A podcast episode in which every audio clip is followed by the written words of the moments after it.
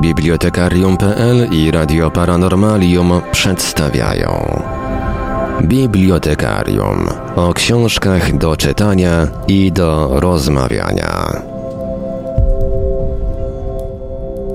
No i zaczął się nam wrzesień, rok szkolny już powoli się rozkręca, a my rozkręcamy się z kolejnym odcinkiem audycji Bibliotekarium na żywo. E, dziś spotkamy się z Danielem Dziewitem, autorem książki pod tytułem Homo Enter. Autor porusza w swojej książce temat naszego uzależnienia od urządzeń elektronicznych. Będzie m.in. o debacie na temat koloru Facebooka, wyborze między kilkudziesięcioma odcieniami niebieskiego, studia, analizy, badania, jaki ten niebieski powinien być, żeby spełniał jakieś tam wymagania. E, pewnie też będzie o przyznaniu się szefów Instagrama do tego, że serwis jest skonstruowany w taki sposób, by jak najmocniej zepsuć mózgi użytkowników i tak dalej, i tak dalej. My oczywiście dzisiaj mózgów użytkowników e, nie będziemy psuć. Oprócz Daniela Dziewita będzie też e, dzisiaj z nami Konrad Schneider, czyli człowiek, który bardzo, bardzo, bardzo pomógł w tworzeniu książki. Są z nami oczywiście również panowie z bibliotekarium Marek Żalkowski i Wiktor Żwiekiewicz. Audycję od strony technicznie obsługuję ja, Marek Sękiewelios. Będzie można dzisiaj dzwonić i pisać oczywiście również nasze numery telefonów, to jak zawsze stacjonarne 32 746 0008, 32 746 0008, komórkowy 536 20 493, 536 20 493, skype radio.paranormalium.pl Jesteśmy także na troszkę już zapomnianym, ale jednak wciąż działającym e, społecznościowym narzędziu o, na, o nazwie Gadu Gadu GG 3608 8002 3608 8002. Można nas także spotkać na czatach Radia Paranormalium na www.paranormalium.pl oraz na czatach towarzyszących naszym transmisjom na YouTube.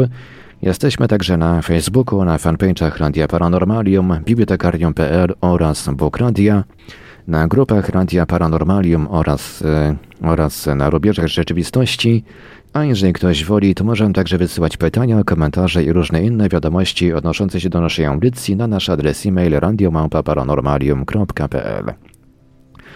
Odnosząc się jeszcze dzisiaj do e, tematu książki Homo Enter, mamy także oczywiście konta na paru innych społecznościówkach, na Instagramie konto o nazwie Radio Paranormalium, no i na Twitterze, tutaj troszkę krócej, R Paranormalium. No to skoro podałem te niezwykle cenne informacje, to myślę, że teraz czas najwyższy na magiczne Halo Halo Bydgoszcz. Halo, halo. To powiem tak, ten wstęp Iweliosa to jest najlepszy dowód, jak powoli media społecznościowe i w ogóle internet zaczyna nas przygniatać, ogarniać, wszechogarniać. A Marku, jeśli jeszcze, chodzi o dzisiejszą... jeszcze do niedawna, jeszcze do niedawna e, Parę lat temu jeszcze promowałem konto Radia Paranormalium na zamkniętym już niestety obecnie, stety bądź niestety, na zamkniętej naszej klasie, bo tam też również byliśmy przez jakiś czas. Czyli okazuje się, że jednak czasami tych mediów społecznościowych ubywa. Jest nadzieja. E, ja powiem tak, proszę Państwa. Mm, Chyba nie było y, w historii bibliotekarium, a to już w końcu mamy dzisiaj 123 odcinek, nie było książki tak maleńkiej jak Homo Enter y, pana Daniela Dziewita. Natomiast y, ja wiem, to taka prosta figura, że ale powiem to, ale mało jest książek tak ważnych z mojego punktu widzenia, ważnych do dyskusji. Ja nie mówię, czy, czy, nie przesądzam, czy autor ma rację, czy nie ma, bijąc na alarm, ale na pewno y, jedno z tej książki możemy wyciągnąć dyskusję. Dyskusję, czy to, co nas otacza, to jest aby na pewno to, co nas otaczać powinno. Ja jeszcze raz powitam naszych gości. Witam pana Daniela Dziewita i wita, witam e, jego przyjaciela Konrada Schneidera. Dzień dobry panowie. Ja również. Dobry. No cóż, to zaczynamy, zaczynamy audycję i powiem tak, że kiedy, kiedy sobie analizowałem, jak ją właściwie powinniśmy zacząć, to powiem tak, że uświadomiłem sobie, że rzeczywiście e, żyjemy w świecie no, paradoksów. Zacznę od pierwszego z brzegu. Mamy media społecznościowe. Przed chwilą Marek Sękiewelios wymieniał ich całą masę. No tak, ale jak się człowiek dobrze zastanowi, to te media społecznościowe właściwie służą rozbiciu społeczności, stworzeniu baniek różnego rodzaju, baniek czy to informacyjnych, czy takich mikro, mikrospołeczności, ale nie mają nic wspólnego z budowaniem społeczeństwa, czy też e, z wymianą, wymianą informacji pomiędzy członkami tego, tego społeczeństwa. Czy to jest pana, panów zdaniem dobry początek tej audycji? Znaczy, dobrym początkiem byłoby podać pełną, pełny tytuł tej publikacji, bo to jest Homo Enter, czyli jak nie zostać złowiony. To jest pełny tytuł tej publikacji. Mm, I warto go zapamiętać, bo y, Homo Enter jako sformułowanie y, przypominające nam dawne katalogowanie, czyli Homo sapiens czy y, Homo faber, mm, no, można powiedzieć, że pozostało dla ekspertów, a Homo Enter to jest mm, autorskie podejście do człowieka cyfrowego, którym coraz bardziej stają się Mm, Homo sapiens. To tak y, z mojej autorskiej strony na początku, jeżeli mówimy o, e, o, o treści zawartej w tej publikacji. Chciałem też e, przybliżyć osobę Konrada Schneidera, który, hmm, przypominacie panowie, rok temu zostałem zaproszony przez Państwa program przy okazji książki Kiedy odchodzą, i mm, Konrad Schneider, którego miałem przyjemność poznać ponad 30 lat temu mm, studiowaliśmy razem w jednej uczelni. Kiedy dowiedział się o tym, że taka książka Kiedy odchodzą mm, jest, zaproponował mi sam z siebie e, realizację mm, wywiadu do prasy. Czy mnie zaskoczył, ale mam nadzieję, że sam e, powie więcej na ten temat, skoro jesteśmy na rozbiegówce e, naszego dzisiejszego spotkania. No tak jak właśnie Daniel powiedział, możemy powiedzieć, co to za uczelnia była. Byliśmy razem w seminarium e, duchownym i dlatego właśnie no, ta znajomość, ta przyjaźń pozostała cały czas, chociaż teraz zobaczyliśmy się po raz pierwszy od ponad 25 lat. Ale pozostajemy w kontakcie. I tak jak już y, Daniel wspomniał, jego działalność jest dla mnie bardzo budującym przykładem świadomego przeżywania naszego życia. I tak jak też Pan powiedział, właśnie te media społecznościowe, ja tak sobie wyobrażam, Pan wspomniał o tych bańkach, w których żyjemy. I, i, i, i ja to widzę w ten sposób. My uczymy się dopiero teraz tej supermocy, ponieważ to jest jakaś supermoc, która ułatwia nam dostęp i do wiedzy, i do wiadomości, i do kontaktów. I ja uważam, że Daniel zrobił bardzo ważną robotę z tą książką Homo Enter, czyli jak nie zostać złowionym. My się uczymy jako Homo Enter, uczymy się dopiero teraz korzystania z tej właśnie supermocy. Chociaż i właśnie ja myślę, że to jest taki też to, co, co, co my powinniśmy się, yy, co powinniśmy sobie uświadomić, dostęp do wiedzy może oznaczać, że będziemy, y, że wiedza będzie powierzchowna, bo każdy może zrealizować jakieś hasło w Wikipedii i, i to nie ma żadnego problemu. Dostęp do wiadomości może się właśnie z tym wiązać, jak Pan wspomniał, że będziemy żyli w jakichś bań, bańkach. Będziemy klikali na portale, które, które lubimy. Mówiąc słowami klasyka z rejsu, lubimy te piosenki, które już znamy i kontakty społecznościowe będą się wiązały z tym, że będą kontakty przez szybę, że nie będziemy w stanie rozmawiać yy, twarzą w twarz, tylko będziemy mogli, będziemy tylko w stanie wymieniać krótkie informacje przez, przez internet. Dlatego ja uważam, jego książka jest znowu dla mnie dużą inspiracją, żeby krytycznie spojrzeć właśnie na tą supermoc, do której teraz mamy dostęp. Tak, tylko ja się po lekturze książki pana Daniela zacząłem zastanawiać, Hmm, przypomniały mi się różnego rodzaju odwołania literackie, mm, pewno często związane z literaturą fantazy, e, bo w takiej mądrzejszej fantazy y, czary owszem istnieją, ale za każdy czar trzeba zapłacić. E, za każdą, za każdą supermoc również trzeba zapłacić. Tak jest chociażby u Ursuli Le Guin w Czarnoksiężniku z Archipelagu. To nie jest taka magia jak w bajkach dla dzieci czy w baśniach dla dzieci, której coś bierze się z niczego. Magia w świecie Ursuli Le Guin to jest magia, za którą się płaci czymś, chociażby częścią swojego życia, częścią swojej osobowości. I przez takie proste porównanie, owszem, mamy dostęp do supermocy, mamy dostęp do wiedzy całego świata, ale czy przypadkowo nie ponosimy jakiejś wielkiej opłaty, nie płacimy za to zbyt wiele? No chociażby tak pierwsza, pierwsza z brzegu taka myśl. Owszem, być może cała wiedza świata jest w sieci, ale większość y, z użytkowników sieci nie wie, czego w tej sieci ma szukać. E, ponieważ e, w pewnym momencie ktoś doszedł do wniosku, że niczego nie trzeba się uczyć pamięciowo, bo wszystko jest w sieci. To swoisty paradoks. Owszem, jest, tylko spora część ludzi nie umie tego znaleźć. I dla mnie, dla mnie to była taka, ta książka, o której dzisiaj mówimy, była inspiracją chociażby do tego rodzaju przemyśleń. A jak pan to widzi, panie Danielu?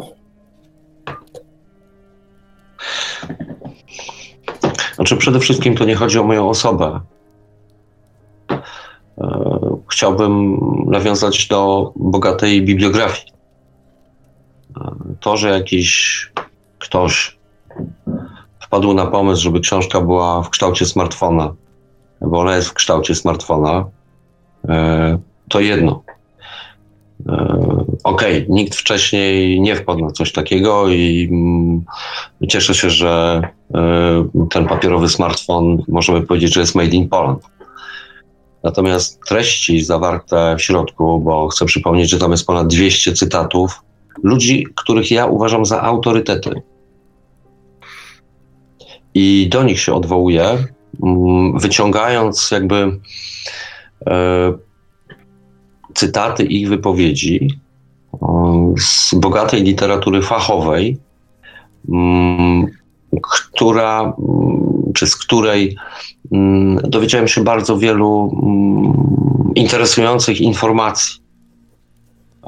Ja mam takie wrażenie, e, że tak jak rok temu, jeszcze raz odwołam się do tej naszej rozmowy pamiętnej i e, zasugerowałem tutaj e, uczestnictwo Konrada w naszej rozmowie, z tego powodu, że byłem niesamowicie zmęczony, bo panów było trzech, ja byłem sam, kiedy odchodzą, dotyczyła narracji osób dotkniętych samobójstwem.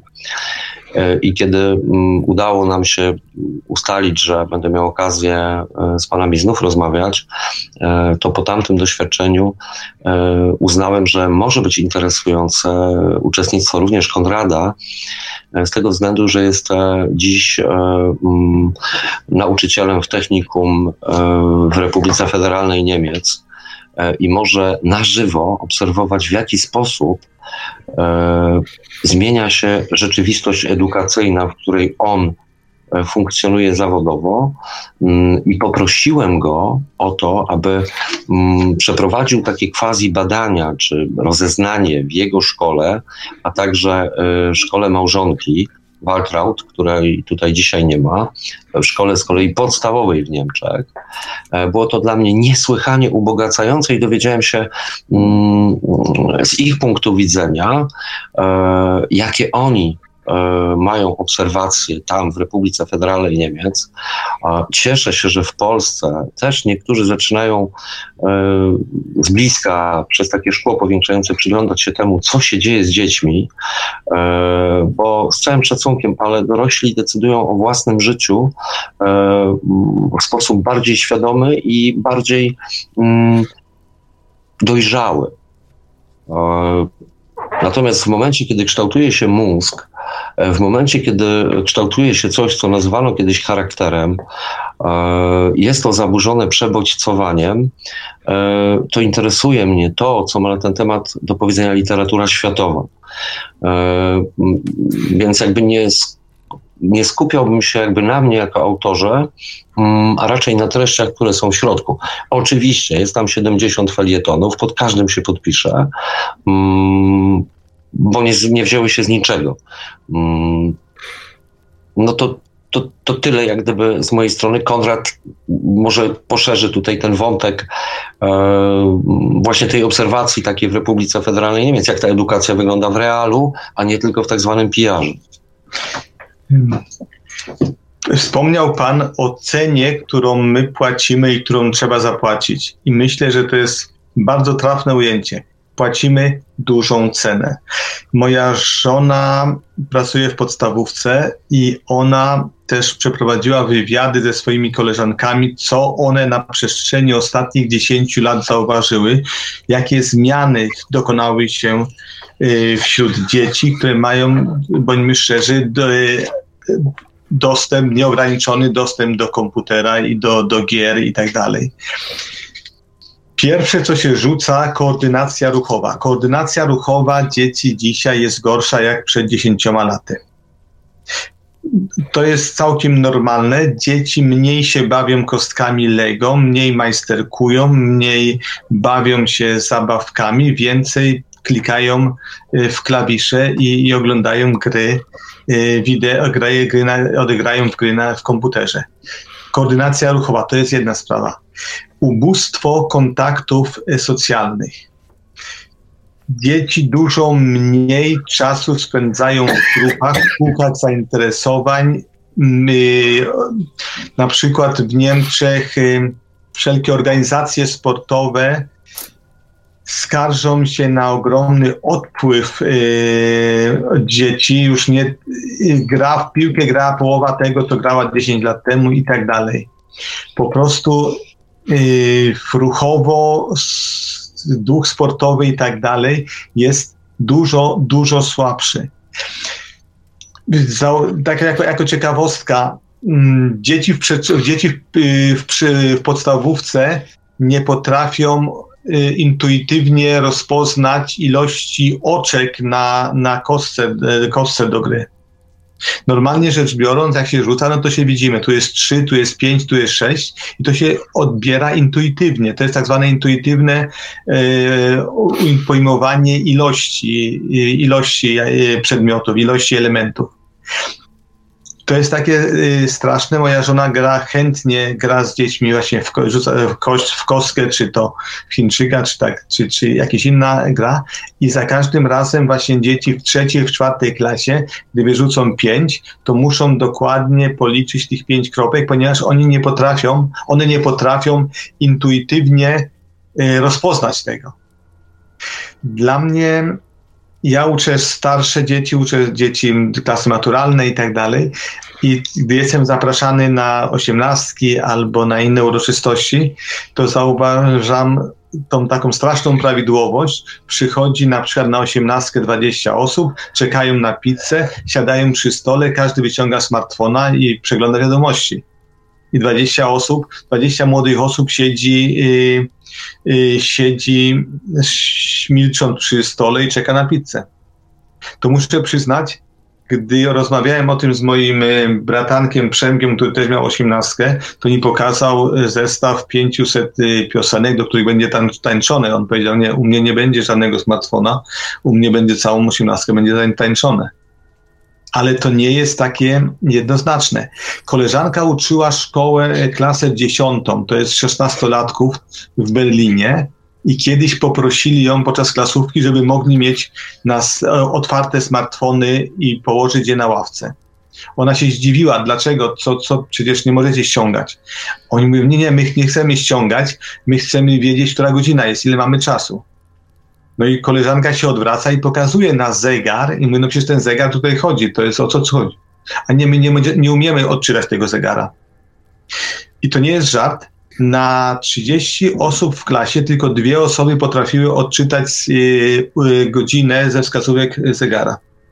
Wszyscy inni musieli mieć smartfony, ponieważ ponieważ nie potrafili odczytać zegara i to, była, to byli szesnastolatkowie.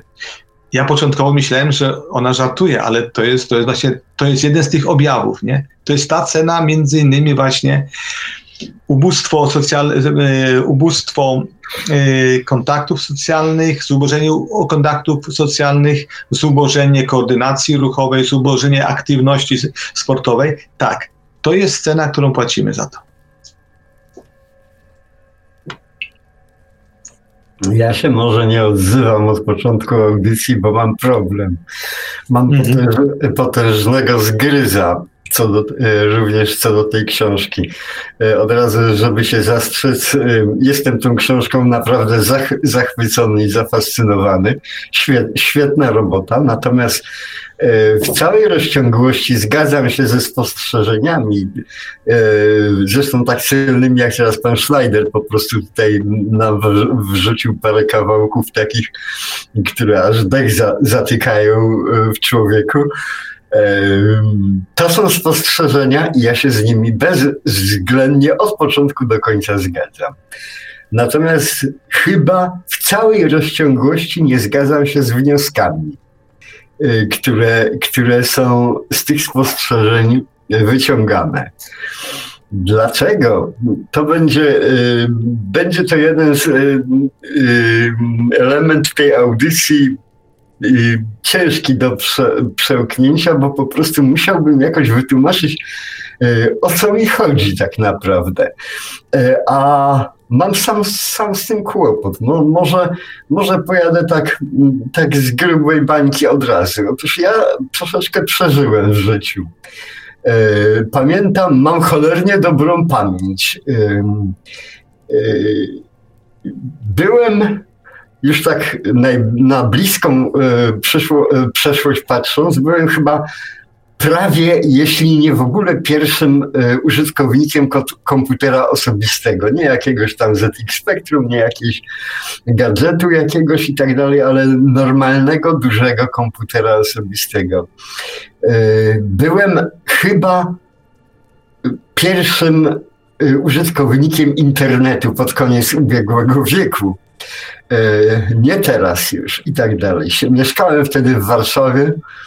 E, siedziałem w tym jak, jak ryba w wodzie. To był dla mnie świat e, w pełni, w pełni, w pełni taki, do którego przylegałem, doskonale się w tym czułem, rozumiałem, łapałem wszystkie nowości. Wszystko było cudownie. Otóż wyobraźcie sobie, że ten człowiek w tej chwili jest zupełnie out. Ja nie posiadam internetu. O wszystkim, o czym wy mówicie, to y, patrzę na to tak jakby zupełnie z dystansu. Nie jestem, nie używam Facebooka, mam gdzieś jakieś konto założone w dawnych czasach przez Marka czy przez kogoś, y, bo, bo były to potrzebne. Wywaliłem to wszystko, a właściwie przestało mi to być potrzebne do, do czegokolwiek, ze względu prawdopodobnie na, na intelektualną starość po prostu no i tak dalej. Więc nie jest to tak, że nie jestem zupełnie zorientowany w temacie. Natomiast tak jak się y, powoływałem na swoją pamięć, to ho, ho, ho, wszystkie spostrzeżenia, które, o których wy mówicie, i z tą motoryką y, młodzieży w tej chwili, i z, z obserwowaniem mnóstwa rzeczy, przeżyłem 50-60 lat temu w zupełnie innym temacie. Otóż ja byłem, e, byłem wychowany, wychowałem się jeszcze w takiej kulturze podwórkowej. Oczywiście to była kopanie fu, fuchy, piłki nożnej, to był ogródek, to, to była piaskownica, to było szale, szale, szaleńcze wyścigi, pogonie i tak dalej, zabawa w Indian i kowboi i tak dalej, i tak dalej. Było to tego typu dzieciństwo. W tym dzieciństwie ja spotkałem się z opiniami na swój temat, absolutnie takimi, jakie wy wyciągacie wnioski y, a propos współczesnej młodzieży. Otóż całe środowisko, w którym ja byłem, może poza moim ojcem i matką, całe środowisko ulicy Krakowskiej w Bydgoszczy, w której później z biegiem czasu rządziłem wszystkimi lujami. Otóż całe to środowisko załamywało ręce, wyrwało sobie włosy z głowy, było załamane mną. Oni mówili wszyscy do mnie, Wiktor, ty marnujesz życie. Życie ci ucieka. Zobacz, twoi chłopacy, kopią, twoi przyjaciele kopią piłkę, dają sobie popysku jak trzeba, szczypią panienki i inne takie rzeczy. A ty siedzisz i czytasz książki w domu. Słuchaj, przecież ty w ogóle będzie, będziesz herlawym yy, chuchrem, które nie potrafi niczego i tak dalej. Ty siedzisz i czytasz książki, a ja czytałem książki do obłędu. Wypadałem na tę ulicę, bo, bo potrzebowali kogoś do szybkiego do ataku. Wypadałem tylko na mecz kiedy mi chłopaki zawołali, strzeliłem bramkę albo zbiłem szybę w, w jakimś oknie, e, bo graliśmy na bruku, na, na jezdni tej małej zamkniętej uliczki. No i wracałem do domu i huzia do, do czytania książek. A czy to nie było uzależnienie, to wszystko, co mówicie o tej motoryce, o, o, o ślepieniu, o nietowarzyskości, e, tak ja by sta, stawałem się powolutku samotnikiem, bo ja obcowałem z książkami. A teraz ja wam zadam drobne pytanie, jak należy patrzeć na coś takiego jako książki? Otóż książki y, to cudowny wynalazek, absolutnie, który no, naszą cywilizację pchnął do przodu, a przynajmniej w jakiś tam sposób rozwinął, bo po prostu był to, była to pamięć i jest to i pamięć i y, przekazywanie wiedzy, spotęgowane potężnie. Natomiast literatura piękna, czyli mniej więcej to, co, z czym się gówniarstwo dzisiaj spotyka w internecie, literatura piękna to są przecież zwykłe bajki. E, nawet Nagroda Nobla jest zadawana za bajki, za baśniopisarza, na, na, e, akurat w danym momencie e, e, najlepszego. Czy można żyć bajkami? Człowiek mm. żyjący bajkami w świecie bajek e, właściwie nie realizuje swojego, swoich społecznych to znaczy zapotrzebowania społecznego. Zamiast mieć żonę i dzieci, to on czyta książki. Zamiast cokolwiek e, sensownego wykonywać, to znaczy produkować cokolwiek, on siedzi i czyta książki. E, z których nic nie wynika, bo to jest literatura piękna. Oczywiście ja, ja, przesadzam, z tym nic nie wynika. To jest również edukacja i przekazywanie wzorców kulturowych, moralnych, różnych rzeczy. To, to jest to, to, to wielka sprawa, natomiast tym niemniej to jest bajka. E, taką samą bajką są współczesne gry komputerowe. Nie widzę tu żadnej najmniejszej różnicy e, Marek tu yy, macha na mnie, że, że, że, że tego, bo się spieramy na ten temat. I, I teraz ja mam pytanie. Faktycznie yy, zwróćcie uwagę na jedną rzecz. My, człowiek ma, ma taką śmieszną cechę. Jest ślepy na przyszłość. Otóż wyciąga wnioski, pamięta, yy, potrafi, że tak powiem, policzyć to, co stracił, Natomiast o korzyściach nie może y, wiedzieć, bo one się pojawią czasami same z siebie, nie wiadomo kiedy się pojawią. One się u mnie też pojawiły z, tych, z, tych, z tego czytania książek. Yy, oczywiście yy, te książki dały mi to, że ja potem w szkole podstawowej opierdalałem się jak cholera, chodziłem na blały, niczego się nie uczyłem, bo ja wszystko umiałem. Ja, ja byłem o, całą epokę od moich rówieśników bardziej rozwinięty umysłowo i, i tak dalej. I tak zostało aż, aż do klasy maturalnej, którą z kolei w końcu oblałem raz i drugi z bardzo prostego powodu, bo oni mnie dogonili i przegonili w końcu. No tak to jest z tymi uzależnieniami. E, my wiemy, co tracimy. Natomiast to, co zyskamy w przyszłości, ten bilans zysków i strat powinien być robiony, a my tego nie wiemy. E, my nie wiemy, do czego posłuży, jakie będą konsekwencje tego rozwoju czy coś takiego. My postrzegamy dokładnie to, co pan Schneider mówił. Dzieci nie potrafią już tego, nie potrafią tego, nie potrafią tego. A czy muszą potrafić? Ja zadaję pytanie, czy nasi przodkowie kiedyś e, wypełzając na ląd stracili płetw. O Bożeż ty mój, jaka to tra była tragedia. A na cholerę jej były płetwy. Okej, okay. no. to ja myślę, że prowokacja się już tak. dokonała w twojej, w twojej Panowie, y, ja bym miał kilka słów do powiedzenia, ale oddam wam głos najpierw, bo wy jesteście bohaterami dzisiejszej audycji. Serdecznie dziękuję, bo ja cały czas siedziałem jak na, jak na węglach, rozważonych węglach, żeby właśnie odpowiedzieć. Ale, więc tak. Yy, czytanie książek. Yy, chętnie bym podał panu rękę. Ja byłem absolutnym molem książkowym. Ja w, w, drugiej klasie przeczytałem Krzyżaków. To może nikt o tym nie wyobrazi sobie, ale właśnie ja to jest właśnie to jest to. I czy to było uzależnienie? Tak, to było dla mnie wtedy uzależnienie. Ja czytałem książki nałogowo i to było uzależnienie. I mimo, że trylogię przeczytałem w trzeciej klasie, to nie jestem z tego dumny, ponieważ świadomie przeczytałem Krzyżaków i trylogię dopiero później. Więc to było uzależnienie. Oczywiście, i teraz wchodzimy na tą ambiwalentną stronę naszej egzystencji. I to myślę, że Pan ujął bardzo, bardzo, bardzo trafnie. No właśnie ta ambiwalencja. Może te płetwy nie są nam potrzebne. Po pierwsze, to jest naprawdę, to jest, to jest y, myśl, która powinna nas dalej, y, y, dalej inspirować. Ja powiem może z mojej strony jako Belfra.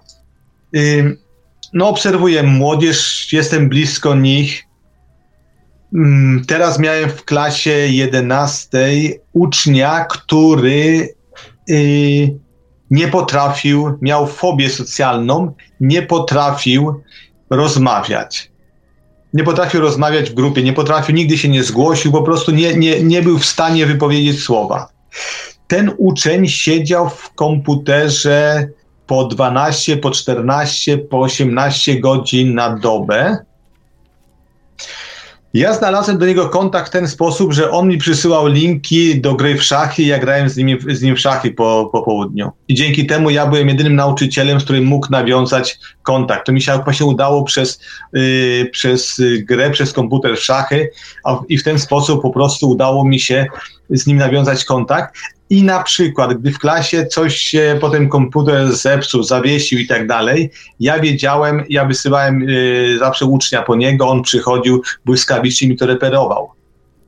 Uczeń z prawie autystycznymi y, po prostu sposobem, który nic nie mówił, ale po prostu komputer rozumiał, który miga i nie trzeba było czekać na, na techników.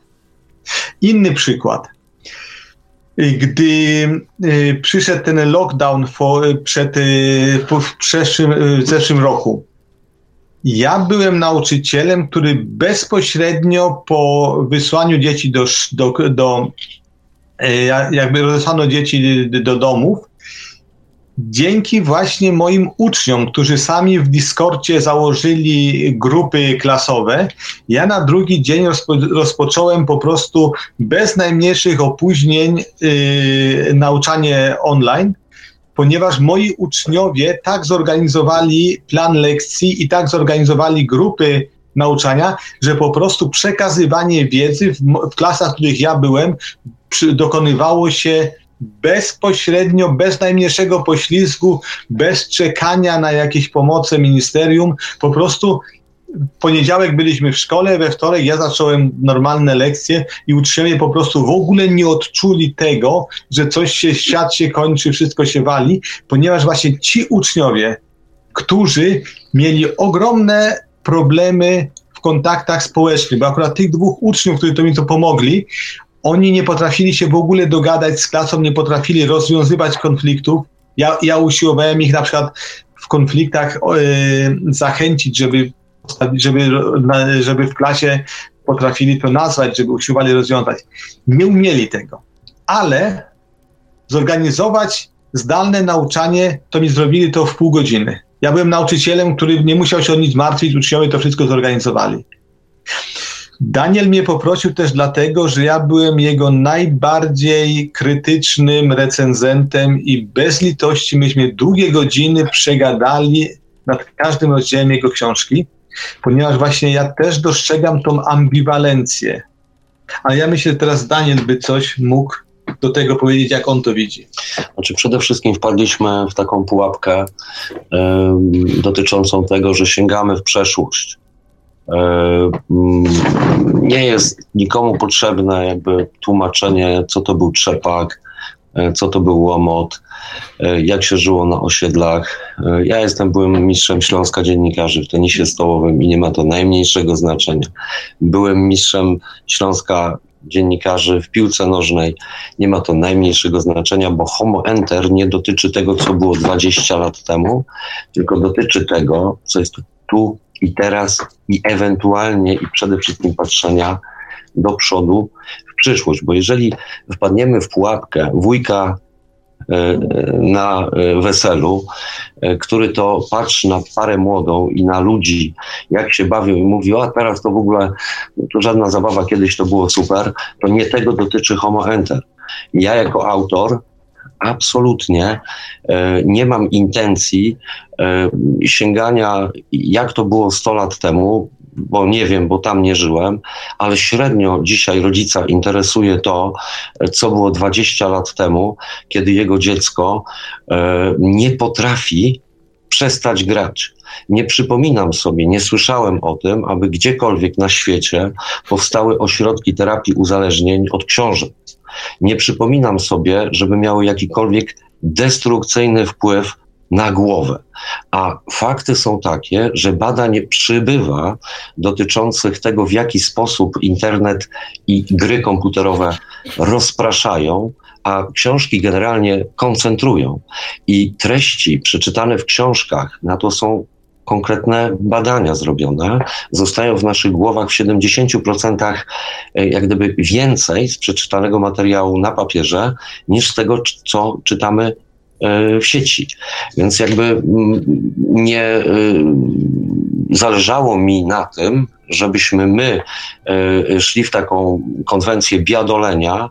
Mm, owszem, Konrad był bardzo tutaj takim recenzentem jest intelektualistą. Ja go pamiętam z dawnych lat. Był człowiekiem zawsze wyprzedzającym epokę w swoim e, sposobie myślenia i dlatego go poprosiłem, żeby e, przeczytał e, te, te rozdziały. Do każdej, do każdej z jego uwag czy zastrzeżeń się odniosłem, podając mu konkretne źródła. W niektórych momentach przyznałem mu rację i podziękowałem mu za zwrócenie uwagi na taki czy inny wątek w książeczce, mm, ale nie wiem, czy pamiętasz, jak to technologie cyfrowe zadecydowały o tym, że to, co ty do mnie napisałeś, e, e, trafiło po prostu do kosza.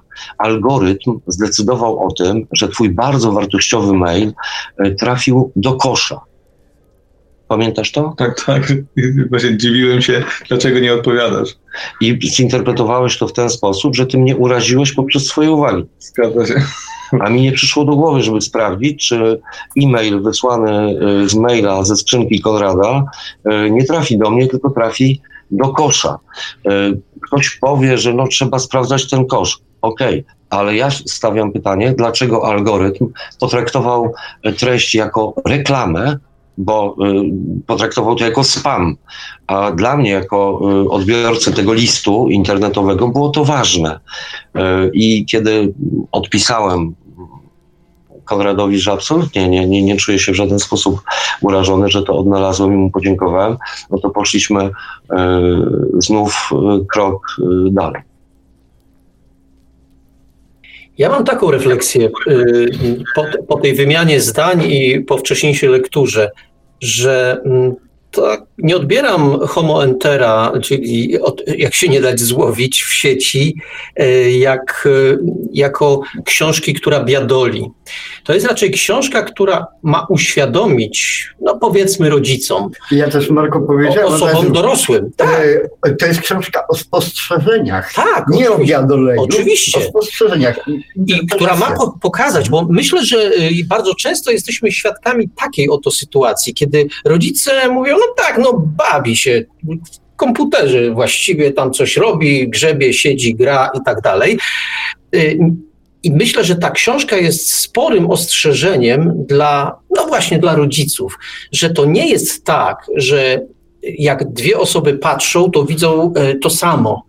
Dla rodziców jest to komputer, no oni go używają w pracy, ale używają go do bardzo praktycznych rzeczy i uważają, że w związku z tym e, komputer e, dla dziecka jest tym samym, mniej więcej co dla nich. Okazuje się, ja po tej lekturze takie wnioski wyciągam, że mm, dla bardzo młodych ludzi komputer, czy też w ogóle sprzęt elektroniczny, e, komórki, to jest jednak zupełnie inna rzeczywistość. Mówiliśmy o tym, nie potrafią się od niej na przykład oderwać. Ja sam znam osoby, które e, budzą się z komórką i właściwie zasypiają z komórką, cały czas sam coś pisząc, cały czas muszą być w sieci, muszą e, być online, bo inaczej czują się no, niepewnie. I, I dla mnie książka Homo Enter to jest takie wielkie ostrzeżenie, żebyśmy nie lekceważyli, nie likwidowali, tylko nie lekceważyli pewnych sytuacji, pewnych, pewnych, dobrze powiem to słowo, zagrożeń, które gdzieś tam w sieci się kryją. Tak bym to, tak bym to podsumował, tak bym podsumował jakieś, jakieś refleksje z lektury. Panowie macie głos. No dla mnie to jest, ja mam taki obraz, Daniel włożył palce do rany. Ponieważ istnieje rana, ja sam mam, mam do czynienia z coraz więcej rodzicami, konkretnymi osobami, które spędzają północy na grach, potem nieprzytomni przychodzą do szkoły, nie, nie przeczekają jakoś te kilka lekcji, wracają do domu znowu na grach istnieje konkretne niebezpieczeństwo, że ja, jak wspomniałem wcześniej, z tą supermocą musimy się nauczyć żyć. Ponieważ gdy ją zbyt, zbyt, na, zbyt łapczywie będziemy oddamy, nie tak, jeżeli oddamy się jej, to możemy utonąć. I to jest, ja mówię, Daniel, Daniel tutaj w każdym rozdziale właściwie wkłada palce w ranę. On wkłada palce w ranę i mówi: Zobacz, chcę, żebyś poczuł, że to rzeczywiście boli. I, i to dla mnie jest takie, taki obraz, który właściwie mam z, tym, z, tą, z tą książką. Daniel, a jak ty to widzisz? Znaczy, ja byłem zaskoczony mm,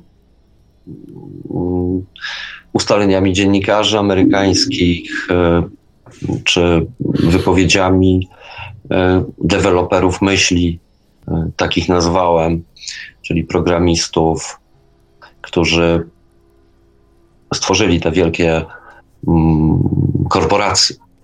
E, ekonomicznie, biznesowo to są biznesy wszechczasów. E, takich pieniędzy nie robiono nigdy na niczym wcześniej. E, ani na diamentach, ani na złocie, ani na kolei, ani na samochodach, ani na Coca-Cola. Nie ma taki, takiego budżetu, jakim dzisiaj budżetują największe portale społecznościowe, które zarabiają pieniądze na emocjach zarabiają pieniądze na porównywaniu się. E, zarabiają na mm, zupełnie sztucznym, wyimaginowanym, nieprawdziwym, oderwanym od rzeczywistości świecie, e, pełnym pułapek. Nie miałem pojęcia o tym, że są e, na przykład gry, które mm, zachęcane są, jakby gra, zachęcane jest taka reklama, żeby, że one są darmowe, a okazuje się, y, że jak dziecko już w to wejdzie, to nagle musi płacić za kolejny etap, żeby stać się coraz lepszym piłkarzem, żeby mieć coraz lepszy klub, żeby mieć coraz lepszego trenera, żeby wygrywać, przechodzić do kolejnych etapów. E, nie miałem pojęcia o tym, ale uświadomiła mi o tym pewna Amerykanka i y, Homo Enter do tego nie nawiązuje, bo prawdopodobnie będzie druga część. Już nad nią którym pracuję, zatytułowana jest ta publikacja Nie czyń zła. To mm, była preambuła Google'a największej wyszukiwarki na świecie, gdzie mieli w takim, takim swoim kodeksie mm, wprost napisane nie czyń zła i to zdanie zniknęło kilka lat temu z tej preambuły Google'a, także to, to wgłębianie się w tą literaturę, ale też rozmowy i takie obserwacje mm, współczesnego otoczenia, świata, one jakby potwierdziły, że coś jest na rzeczy, mm, że coraz więcej osób o tym pisze. Chciałem taką ściągę zrobić dla rodziców tak naprawdę. To jest kieszonkowiec do torebki, do marynarki, mm, gdzieś, żeby nie zajmował dużo miejsca, e, bo ja nie wiem, czy tak wszyscy mają, ale ja tak mam do dzisiaj że jakieś aforyzmy, przysłowia, sentencje e, osób e, wartościowych, autorytetów, one mi często po, pomagały samemu trzymać się w pionie. E, tak jest do dzisiaj. Czasami nawet to są anonimowe jakieś myśli odnalezione gdzieś tam w XVI czy XVII wieku, one okazują się być dla mnie mm, uniwersalne, ponadczasowe mm, i pomagają mi trzymać się prosto. E, ja teraz e, krótki, krótki rzut oka na nasz czat, a jest tu bardzo ciekawie. E, Kasia Wal pisze, bardzo dobry temat. Mój brat był, jest uzależniony od gier komputerowych. Jak był młodszy, rodzice cieszyli się, że nigdzie nie łazi i jest w domu. Później go prosili, żeby gdzieś poszedł. I jeszcze jedna osoba zadaje pytanie, które kieruje bezpośrednio do autora. Robert Marzec, Marzec pisze, czy y, do kogo dotrze ta książka, skoro młodzi ludzie nie robią nic innego, tylko zasypiają z komórką? No właśnie, do, dla kogo jest ta ja książka? Jestem, ja jestem bardzo daleki i to jest taka moja sentencja, y, którą noszę y, od chyba 20 roku życia, czyli to już prawie 30 lat. Taki stary zakonnik na, na zajęciach, Myślę, że też go kojarzysz, on łacinę uczył. Ja nie pamiętam, jak on się nazywa. O, o, właśnie, tak.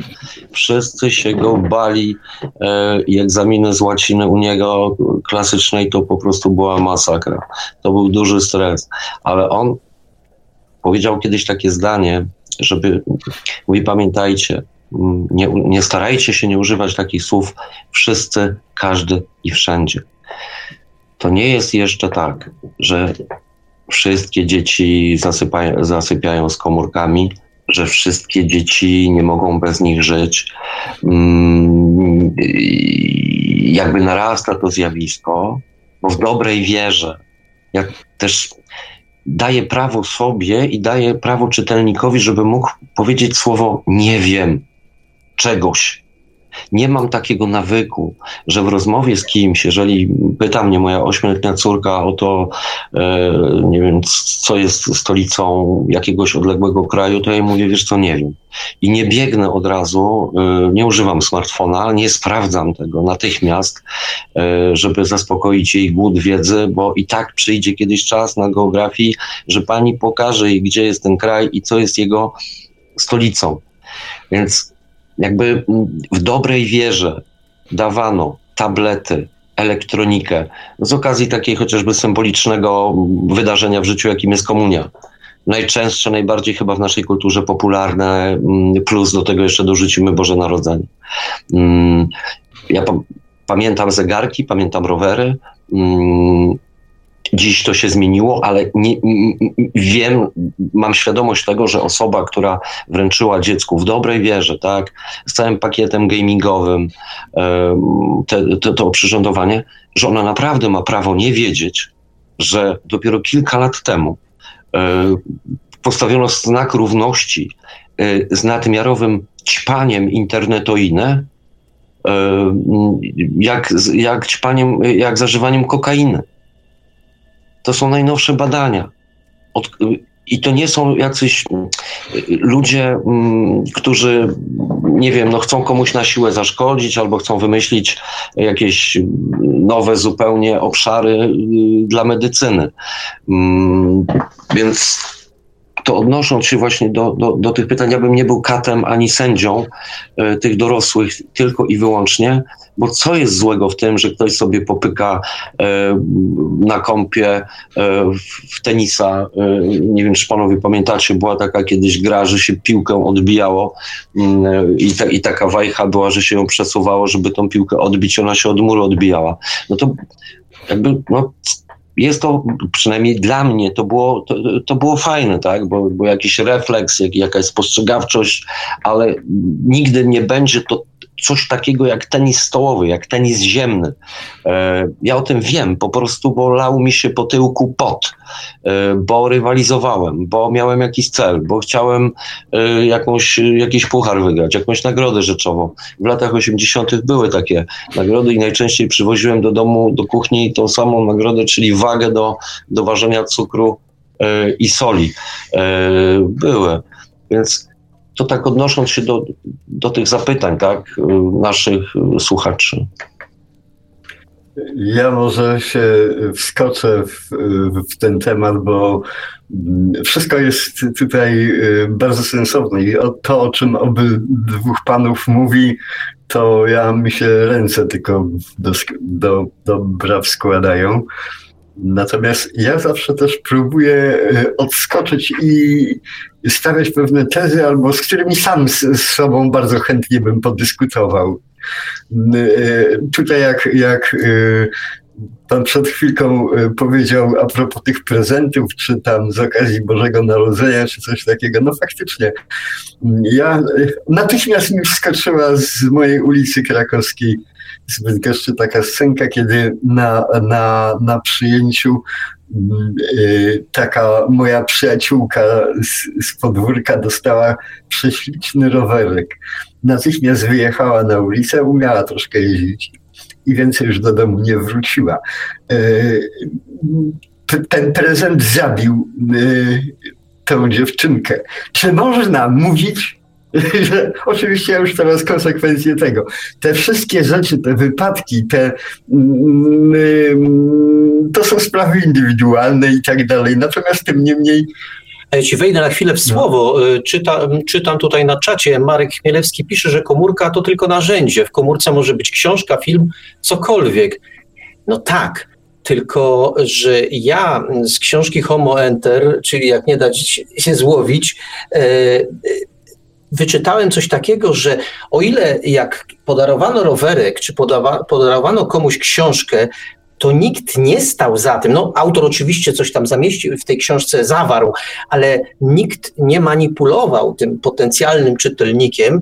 Tymczasem to, co, y, z czym stykamy się w sieci i co pan Daniel y, opisał, a właściwie tak jak powiedział, y, zebrał z różnych miejsc, y, no to to jest coś takiego, że poza tą warstwą, że to rzeczywiście komórka czy komputer jest narzędziem, to ktoś jeszcze za tym narzędziem stoi, kto bardzo pilnuje. I to już różnie możemy powiedzieć, czy to swoich interesów, czy jakichś innych y, priorytetów, które są dla niego ważne. I dla mnie, tu jest różni- dla mnie tu jest różnica pomiędzy rowerkiem, książką, a tą elektroniką. Marku, Elektronika sama w sobie nie jest zła. Marku, kochany, yy, nasza cywilizacja rozwijała się, szczególnie europejska, jakoś bez problemu. Jakoś nikomu nie przeszkadzała świadomość tego, że ktoś tego wszystkiego pilnuje. Myślę o Bogu. Jakoś, jakoś to, że, tak, że, że, tak powiem. Tylko, tylko jak człowiek stawia się na miejscu, y, miejscu Boga, to zaczyna być już dziwnie. Może tak, może nie. Y, ja teraz jedno takie spostrzeżenie a propos tego narzędzia, jakim jest y, komórka czy smartfon, mm, takie moje spostrzeżenie. Otóż zwróćcie uwagę, troszeczkę, o ile nie używam internetu, natomiast trochę mam przyjaciół, którzy po świecie krążą, przekazują mi wiadomości, obserwacje, spostrzeżenia, tak samo jak ta książka Homo Enter. No i e, z nich wywnioskowałem coś takiego. Otóż zwróćcie panowie śmieszną uwagę na coś. Mm, od czasów mniej więcej Ameryko czy tam gdzieś Kolumba i tak dalej, nasza cywilizacja poznawała nasz świat że tak powiem, coraz bardziej, że tak powiem, ten świat yy, ziemski yy, konsumowała i tak dalej. Ale na, na, na peryferiach tego świata, ja mówię o, o Europie czy Ameryce, zawsze istniał ten trzeci świat, w lepszej lub gorszej kondycji, gdzieś tam jednak coraz bardziej niby cywilizowani aborygeni sobie żyli. No i tak to się toczyło mniej więcej równo i spokojnie aż do XXI wieku. E, e, tu się nic nie zmieniło. Tak, oni się czasami wszędzie, oni jeszcze byli. E, oni byli w tej Puszczy Brazylijskiej, oni byli gdzieś tam w Mongolii, oni byli w wielu, wielu miejscach. E, natomiast na, oni się uczyli języka angielskiego na przykład, albo przedtem francuskiego. Oni wciągali się, ale to tak bardzo, te plemiona sobie tam siedziały w tych dżunglach jednak. Tam się to niewiele, niewiele ten nasz y, rozwój cywilizacyjny Europy i Ameryki na nich wpływał. No może jak Coca-Cola przyszła, to, to też tam trafiła i tak dalej. Natomiast zwróćcie uwagę, że te y, głupie smartfony y, nagle zrównały te dzieciaki z tej dżungli z dzieciakami z, z tego Berlina. Oni, oni y, y, nagle dostali narzędzie cywilizacyjne, z którym e, stają na, e, w równym szeregu. Oczywiście nieważne, czy, czy ten człowiek w tym Berlinie, czy w Warszawie, że tak powiem, mm, Ach, nie wiem, co chcę mówić. Natomiast y, to spostrzeżenie takie, takie, takie miałem i mam, że y, to narzędzie może być bardzo pozytywne. Nieważne, że być może jak się da mał, małpie to, tego smartfona, to też będzie świetnie tym e, się posługiwała, nie? Ale pan Daniel o tym pisze, no. że nie, jakby nie potępia w czambu. No wiem. Krzyczy o niebezpieczeństwach. Ale panowie, komentujcie.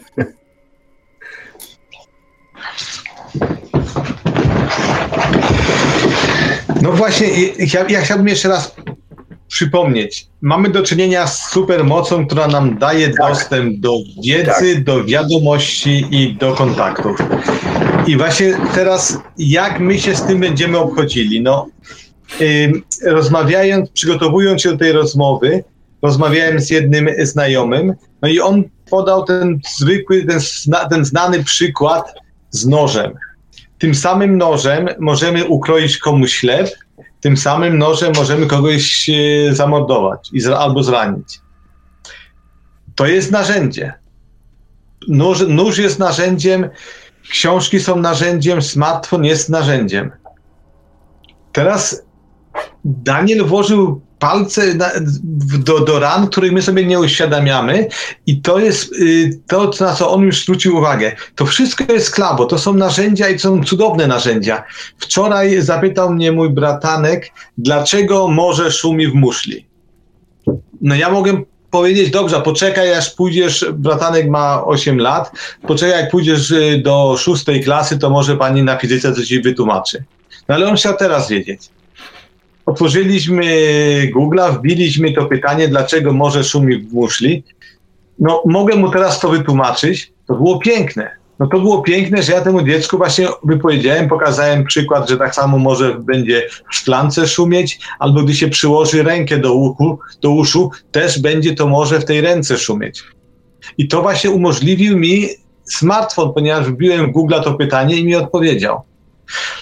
Dlatego my jesteśmy bardzo dalecy od, y, od tego, żeby to jakoś jako karę boską albo jako zło wcielone yy, odfajkować i powiedzieć, to jest złe. Daniel ale to, co Daniel powiedział, nikt nie ma ośrodków, nie ma ośrodków, które by y, leczyły uzależnienie od noża albo uzależnienie od książek, ale są dziesiątki ośrodków, które, y, które, uczą, które leczą uzależnienie od, od, od właśnie za uzależnienia w sieci. Ja bym chciał się odnieść do tego Google'a. Panowie, rok temu rozmawialiśmy, ja przypomnę słuchaczom, którzy nie słuchali tej rozmowy, mm, ja przytaczam w książce Kiedy odchodzą, E, jest taki rozdział dotyczący, e, dotyczący opiatów, e, leków opioidowych. Rozdział zatytułowany jest Psychotrupy. Powołałem się tam w tym rozdziale na film dokumentalny zrealizowany w 2005 roku przez Amerykanów. W tym filmie były dokumenty podpisane, które wyciekły z fabryki opiatów gdzie mm, poddano testom kilkunastu, dziewiętnasto, dwudziestokilkulatków e, na zażywanie leków opioidowych. E, w efekcie połowa z nich popełniła samobójstwo, a w pozostałych te leki wzbudziły myśli samobójcze to nie były osoby w żaden sposób e, dotknięte kryzysem egzystencjalnym, e, czy nazywaną dzisiaj najbardziej taką chyba nam znaną e, chorobą, czyli depresją. To był bardzo mocny dokument, zatytułowany Dysharmonia dopaminy. Proszę ją spróbować znaleźć na YouTubie, ten film. Tego filmu nie ma a ja w związku z tym, że nie mam zaufania do sieci, e, nie podałem o jakie leki chodzi. Te leki w Polsce są sprzedawane na receptę. Te leki w Polsce są sprzedawane jako super, na, nawet na nadwagę. Panowie, to jest bulwersujące. Ktoś zadecydował o tym, że film, który się pojawił dopiero 13 lat później na YouTubie, Ktoś ten film zamieścił i ktoś ten film usunął. Leży przede mną siennik. Nie jestem w stanie Państwu go pokazać. Szkoda. Dlaczego mówię o sienniku? To był prastary materac używany w wojsku i używany przez ludzi jako do spania. Kiedy się pojawiła wzmianka na temat definicja y, siennika, chociaż to jest szczegół, to, to nie ma najmniejszego dla nas chyba, wydaje się, znaczenia. Wydaje się, że ma znaczenie to, e, co przepisywane jest tam. No mnie akurat nie, bo mam tak zwaną świadomość tak, w tym obszarze. Dopiero w 2018 roku pojawiło się w ogóle sformułowanie siennik, skąd się wziął, jak był używany, jak był produkowany, bo jakiś wikipedysta sobie przypomniał, a to jest przecież dzisiaj encyklopedia wszechczasów, że coś takiego istniało, jak siennik. E, trywializuje w tym momencie mm, Wikipedię, natomiast kiedy wikipedysta mm, zwrócił się do mnie żeby napisać y, na mój temat y, y, wzmiankę na Wikipedii, to byłem po pierwsze zaskoczony, po drugie powiedziałem mu swoje, ale nie wydaje mi się, żebym ja zasługiwał na to, żeby znajdować się w tej wirtualnej jakby encyklopedii, tak? Mówię, ale wiesz, no jest dużo cytatów, jest sporo, no to już jest twoja trzecia książka, mm, więc ja mówię, dobra, okej, okay, jeżeli uważasz, że powinienem się tam znaleźć, to no, to no to w porządku. Przy okazji dowiedziałem się, jak buduje się encyklopedię wszechczasów, bo jestem człowiekiem, który jest ciekawy świata, ciekawy ludzi. E, lubię słuchać ludzi. Mm, coś im zabierając, e, no to jest takie trochę interesowne, no ale tak jest, no staram się uczyć od nich, mm, czy na ich błędach, czy korzystać z ich wiedzy. Mm, no i okazuje się, że jest całkiem spora grupa osób, które same próbują wpisywać swoje notki, bo uważają, że dokonały czegoś ważnego. bardzo ważnego, na tyle ważnego, że powinni być na Wikipedii. Zdarzają się y, nawet pogróżki, e, bo ci wikipediści, którzy pilnują jakby rzetelności i pilnują źródeł, bo też tacy są i wśród nich jest masa doskonałych y, naukowców, y, którzy, który, dla których pasją jest właśnie mm, redagowanie y, y, Wikipedii. Mm, więc y, są i tacy, którzy straszą, potrafią straszyć sądem, że oni pójdą do sądu, bo oni chcą być w Wikipedii. E, więc to gdzieś tutaj wybrzmiewa, że mm, wiadomości są reglamentowane, e, że są usuwane z niewiadomych powodów. E, niewiadomych przyczyn. Możemy jedynie dywagować, możemy budować sobie oczywiście jakąś tam teorię spiskową dziejów, mm, e, ale nie w tym rzecz. E, rzecz w tym, że mm, ktoś pozbawił konkretnie w jednym przypadku tego filmu mm, widzów prawa do informacji, prawa do rzetelnej wiedzy. Być może jest tak, że go nie znalazłem, bo źle szukałem. E, było to całkiem niedawno. E, nie sądzę, aby ten e, film był w sieci. Drugi z filmów, na który się wówczas powołałem, Chemiczny Spokój, póki co był. Więc to dobrodziejstwo, o którym mówimy, które obiektywnie wiele rzeczy ułatwiło, um, uprościło, skróciło, dało wygodę, bo tu jest też wątek wygody istotny. Um, cena może okazać się zbyt wysoka. I tylko i puenta odnośnie do wypowiedzi poprzednika użył, mówił o Bogu.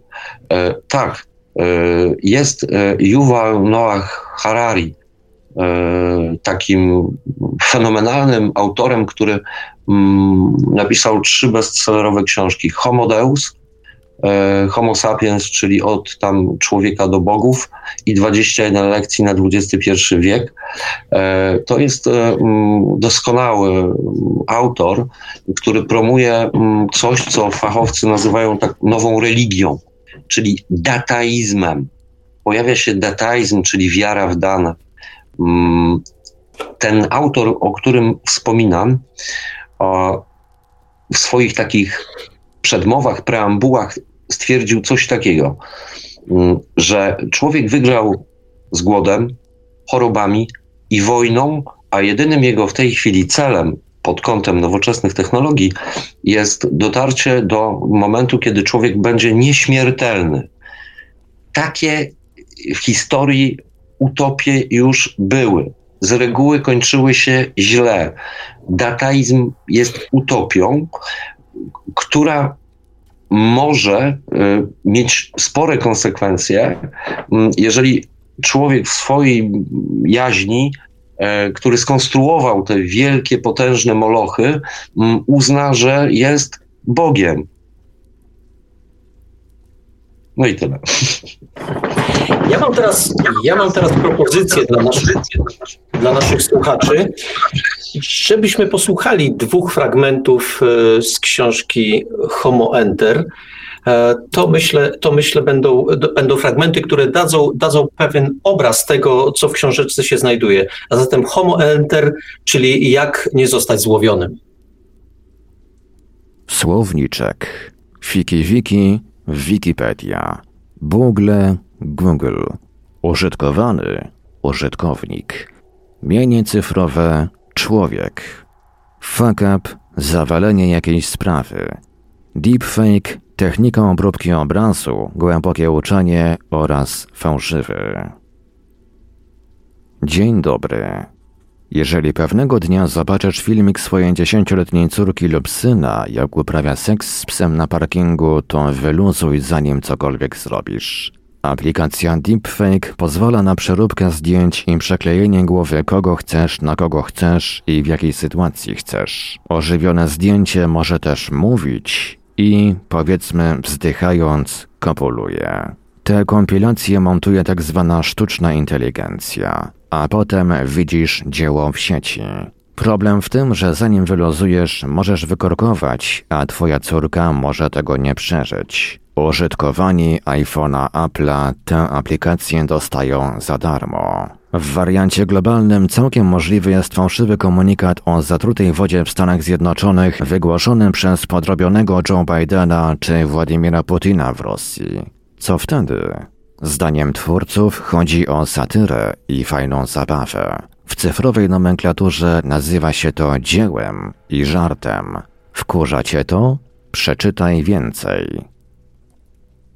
Przedmowa. Nazywam się Homo Enter i jestem papierowym smartfonem. Napisał mnie jednak Homo sapiens, który, aby mnie powołać do życia, szukał najpierw wsparcia w sieci. Poszukiwanie tam mądrości uniwersalnych wyszło słabo. Chaos, bałagan, linki sponsorowane, reklama śledząca, algorytmy i próba prowadzenia autora za rękę sprawiły, że Homo sapiens trafił do księgarni i tradycyjnych bibliotek w poszukiwaniu wiedzy ugruntowanej od wieków. Ta wiedza z sieci jest jedynie dodatkiem. Homo sapiens wie, że technologie cyfrowe są z nami i już pozostaną. Wydaje się, że wytresowaliśmy je tak jak kiedyś słonie dla własnej rozrywki, bezpieczeństwa i to one są na naszych usługach. Tak myśli człowiek cyfrowy, coraz bardziej oplątany siecią i pochłonięty tym, co jest w niej, a nie w rzeczywistym świecie. I coraz częściej pojawia się pytanie, co się z nami dzieje. Dlaczego myszkowanie w internecie zabiera coraz więcej czasu dzieciom, młodzieży, dorosłym? Jakie to rodzi konsekwencje dla rozwoju intelektualnego, zdrowia psychicznego, pracy, nauki, sportu? Co na ten temat mają do powiedzenia światowe autorytety czy też sami twórcy aplikacji, portali społecznościowych? To ich głosy zebrał autor. To jedynie 100 tekstów na 100 dni. Jeśli co 3 dni odłożysz technologie cyfrowe z wyłączeniem pracy, a spędzasz w sieci dwie godziny dziennie, to rachunek jest prosty. Jesteś do przodu 240 godzin rocznie i 2400 godzin w dekadę. Jeśli tych godzin dziennie jest więcej, przemnóż koniecznie w pamięci, ile to jest godzin, dni, nocy, miesięcy i lat. Nie porzucaj mojego starszego elektronicznego brata definitywnie. Zrób tak, abyś to ty nim zarządzał, a nie on tobą. Pobądź 100 dni bez i internetu. To moja luźna sugestia na najbliższe lata. Zastanawiasz się, czy wytrzymasz, czy dasz sobie radę, gdyż ominie cię wiele ważnych zdarzeń. Nie bój się być nie na bieżąco. Świat jest także poza siecią. Homo Enter i Homo Sapiens są jak Mr. Hyde i Dr. Jekyll. Nie zabieraj mnie za sobą na siłę. Ostatecznie jest to kwestia wolnego wyboru. Wciąż go masz. Jedno jest pewne: jestem najtańszym papierowym smartfonem na świecie. Homo sapiens człowiek myślący. No to ja od razu y, z pytaniem do panów, które pojawiło się, pojawiło się w sieci, pojawiło się na czacie, to właściwie nie tyle pytanie, co pewne stwierdzenie, y, co do którego y, nie mam wiedzy, więc odwołam się do wiedzy panów. Czytam. Y, o 35 pisze, jedną z ciekawostek jest to, iż od początku istnienia mikrokomputerów, a później internetu, leczono ludzi z uzależnienia od komputerów, a później od internetu. Natomiast jakoś nie leczy się w tej chwili z uzależnienia od smartfonów. Przecież to jest również komputer. Do uzależnienia od smartfona jakoś przestał, od, to chyba od uzależnienia od smartfona, jakoś przestało się leczyć. Natomiast pamiętam, że leczyło się od używania komórek. Jak to jest, panowie? Pierwsze takie symptomy, że można nadmiarowo sposób behawioralnie się od czegoś uzależnić, to były już w latach, w latach 90., ale odpowiadając na, na pytanie y, mm, dotyczące telefonów komórkowych, to powiem y, wprost, nie wiem y, nic na temat jakichś mm, sposobów terapeutycznych dotyczących samych telefonów komórkowych. Natomiast co do mm, smartfonów, to od 1 stycznia przyszłego roku e, na liście, nazwijmy mm, to nowych chorób WHO wprowadzi nowe określenie e, cyberdisorder, e, czyli taką jednostkę chorobową uzależnienia, które będzie obejmowało również smartfona. To nie miało do tej pory takiej jakiejś sformalizowanej formuły. Mm, niemniej jednak obserwacje na świecie wykazują, że mm, rzeczywiście y, trudno jest wyperswadować, wytłumaczyć komukolwiek, że może zastąpić go czym innym. Taką moją intencją mm, było też to, żeby jeżeli ktoś zauważa u siebie i zaczyna jego samego go to coraz bardziej denerwować, e, drażnić. A, a są takie sytuacje. Przywołam przykład pewnego amerykańskiego dziennikarza 60, plus, który no, cały był opleciony siecią. E, również ze względu na to, że mm, no, taką miał pracę, taką ma pracę.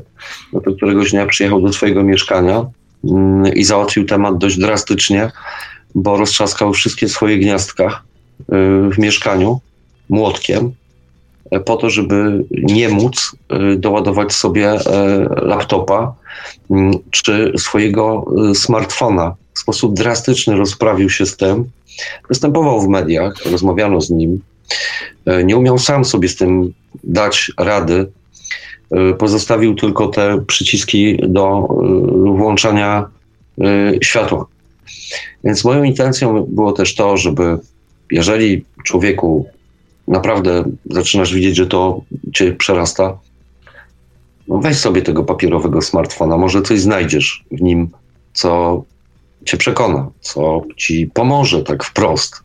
Bo jedną z metod y, dziś stosowanych, y, takich trochę, bym powiedział, garażowych, bo, bo świat y, terapeutów i psychologów uczy się dopiero jak, jakim sposobem mm, odciągnąć. No to daje się w zamian na jakiś czas, powiedzmy na godzinę czy dwie, plastikowego smartfona, człowiekowi, który go ma przy sobie, jedzie do pracy, kompulsywnie sięga po niego, ale nagle sobie uświadomi, no tak, ale przecież to jest tylko y, plastikowy smartfon. Y, I to ma w jakiś sposób pomagać y, w ograniczaniu y, jego używania. Ja mo, może, może, może bardzo chętnie wskoczę.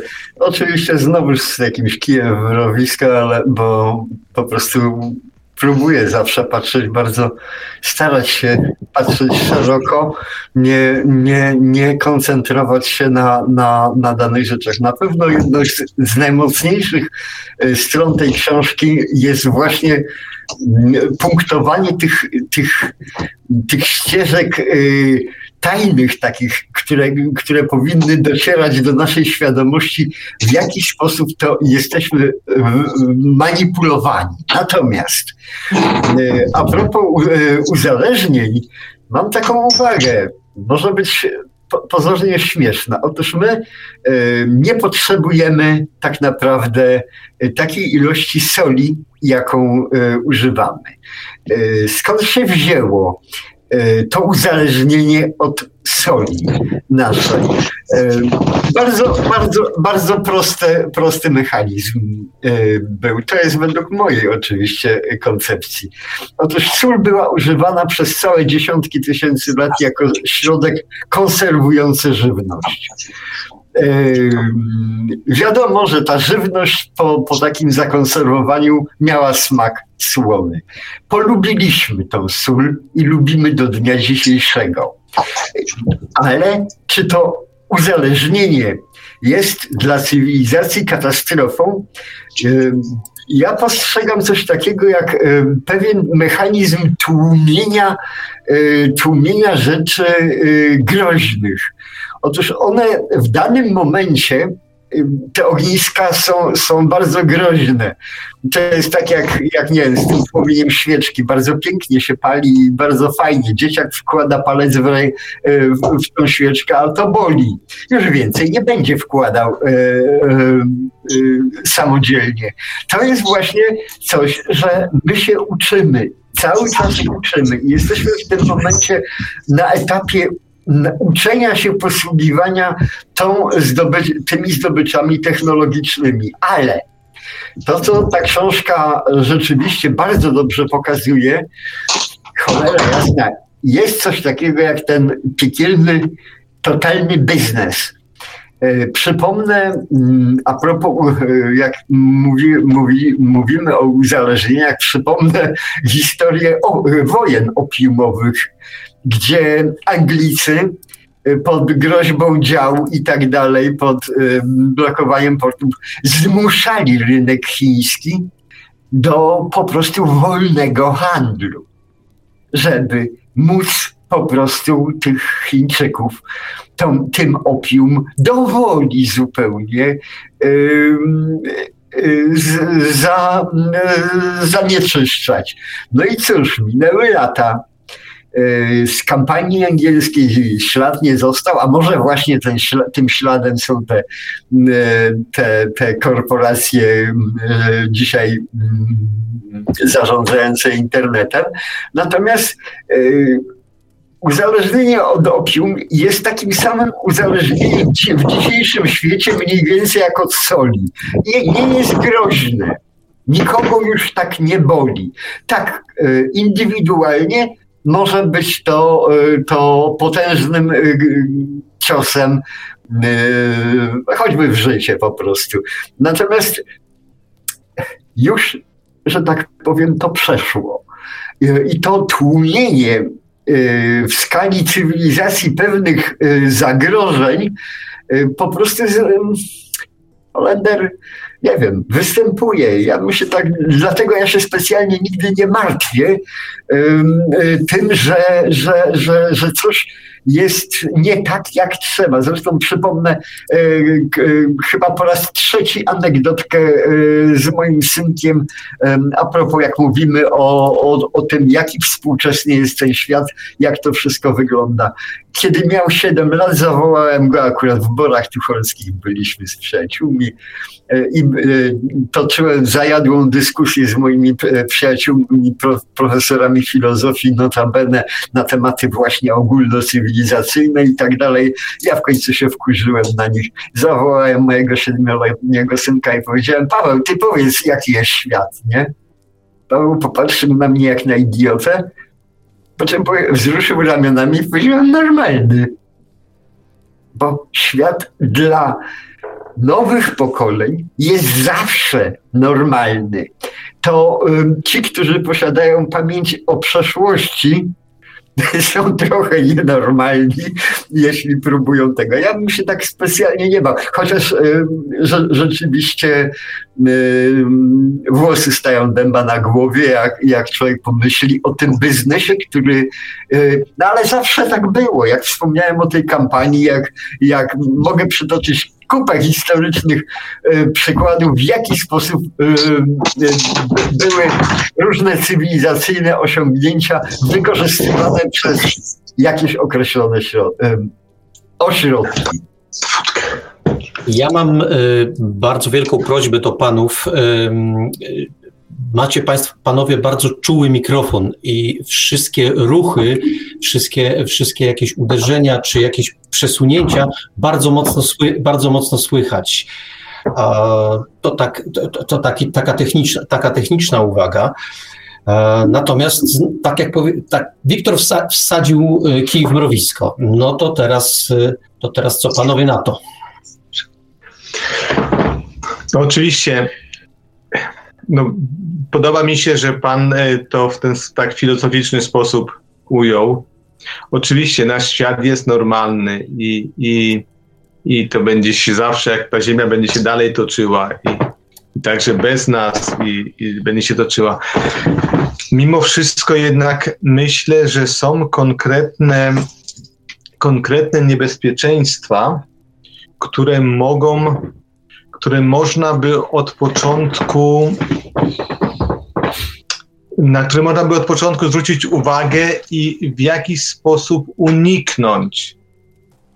No, uzależnienie jest uzależnieniem, to jednak jest kradzież naszego drogocennego życia i, i wszyscy ludzie, którzy wyszli z uzależnień, yy, Wczoraj czyta, słuchałem podcastu pana Marka Sekielskiego i Artura Nowaka. Oni przedstawili swoją ostatnią książkę Jak wychodziłem z bagna.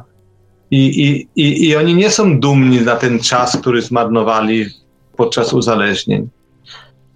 I, i, I to jest dla mnie taka wskazówka. Uzależnienie, uzależnienie można by również traktować jako ważny symptom. Dlaczego, dlaczego siedzę 4 godziny w nocy i, i, i gram? co mi brakuje w moim życiu, dlaczego moje życie nie jest na tyle normalne, że ja potrzebuję tego takiego kopa. Moja żona spotkała rok temu człowieka, właściciela firmy niemieckiej, który y, był w klinice dla uzależnień. On potrafił w ciągu jednej nocy przegrać przez komputer, w komputerze, w, w grach hazardowych półtora miliona euro. W ciągu jednej nocy przegrał półtora miliona euro, ponieważ potrzebował tego kopa. No i oczywiście ta, y, świat jest normalny, to wszystko jest normalne, że można półtora miliona y, euro przegrać i wtedy cała firma poszła w diabły, on musiał rozpuścić ludzi, małżeństwo się rozpadło, y, córeczkę widzi raz na miesiąc. Oczywiście to wszystko jest normalne, świat jest normalny, nie? Ale ale, ale można by było tego uniknąć. I to ja myślę, że właśnie warto zwrócić na to uwagę, warto potraktować to jako wyzwanie. Jeżeli ktoś jest uzależniony, ja mówię, mnie, we mnie siedzi cały czas ta, ta rozmowa pana Sekielskiego i pana Nowaka, jak oni mówili, oni po prostu oni po prostu bali się nazwać własne uczucia i dlatego chlali ciągle właśnie każde, każde uzależnienie, także od smartfona i tak dalej, to jest konkretny znak. To jest konkretny znak, że w moim życiu czegoś brakuje. Albo w moim życiu jest się zahamowało, że ja nie mam kontaktu z moimi własnymi emocjami, że ja nie potrafię nazwać, co teraz w moim sercu się dzieje, że chodzę wkurzony na cały świat i nie wiem dlaczego na przykład. No i wtedy łatwo, no to można sobie strzelić jointa zapalić, wypić pół butelki wódki i wtedy odpływa się, nie? I wszystko jest fajne. Ale mam, mam, mam tutaj uwagę, pan jest przykładem właśnie bardzo pięknego uzależnienia, bo o ile pan kilkakrotnie wspomniał o swojej żonie, to znaczy, że jest pan, że ją pan kocha, a jest to pan, jest pan od niej w takim razie bardzo pięknie uzależniony. Dziękuję. Przetłumaczę to po niemiecku. Moja żona jest Niemką, także nie może tego słuchać, ale przetłumaczę. No, tymczasem mamy chyba słuchacza telefonicznego. Halo, halo, Radio Paranormalium, czy się słyszymy? Dzień dobry, witam. Słyszymy się bardzo dobrze. Bardzo halo? prosimy. Halo. Tak, słuchamy. A, y, dobry wieczór panom. Właśnie przysłuchuję się y, panu, no nie debaty, ale jakby dyskusji na temat książki. Niestety książki nie miałem okazji czytać, bo yy, nazywam się Piotr, jestem no, informatykiem od, że tak powiem, insiderem, że tak powiem, w systemach od dwudziestu paru lat. Przyglądam się temu, jak te systemy big techowe są budowane i, i w jaki sposób zmienia się jakby mm, struktura i sposób działania tych, tych rozwiązań. To jest ciekawe ponieważ miałem okazję przyglądać się od początku, od praktycznie startu Google, Facebooków, naszych klas i tak dalej. I taką chciałem państw, państw, panom e, myśl przekazać swoją, że żebyśmy nie trywializowali te, te, te, tego, żebyśmy nie traktowali tego, że to jest kolejny jakiś wymysł nie wiem, kolejna zmiana pokoleniowa, czy tam kiedyś graliśmy w piłkę, a dzisiaj gramy w gry komputerowe. Mi się wydaje, że to jest sprawa bardziej poważna. W tym sensie, że jak cała idea powstawania big techów i systemów informatycznych e, typu właśnie Facebook, typu YouTube, jakieś TikToki, to zupełnie inna 15-20 lat temu i my mamy obraz tego. E, w tej chwili te systemy wyglądają zupełnie inaczej. To są systemy, które, e, których zadaniem jest i celem w samym w sobie e, przyciągnięcie takiego strumienia uwagi użytkownika, ponieważ z punktu widzenia big techów to to jest pieniądz. My jako użytkownicy jesteśmy tylko i wyłącznie produktem. I celem tych systemów jest to, żeby ten produkt jak najlepiej wykorzystać w, kont- w kontekście tak zwanej monetyzacji, czyli wykorzystania tego w, w finansach. I stąd się pojawia na przykład e, ten temat, o którym tutaj Pan mówił o uzależnieniach, ale jest takie pojęcie endorphin economy. I to jest takie pojęcie, które mówi o tym, żeby, że kolejne przyszłość jakby ekonomii będzie polegała na tym, żeby wśród użytkowników dokonywać pewnej eksplozji e, e, endorfiny, która ich przywiąże do, do rozwiązań. Takim na przykład świetnym przykładem są, jest Instagram czy e, TikTok, który pozwala tym ludziom poczuć się lepiej w momencie, kiedy mają bardzo dużo pozytywnych komentarzy. Gorzej jest, jak jest negatywne, no to wtedy jest, jest załamka, depresja i tak dalej.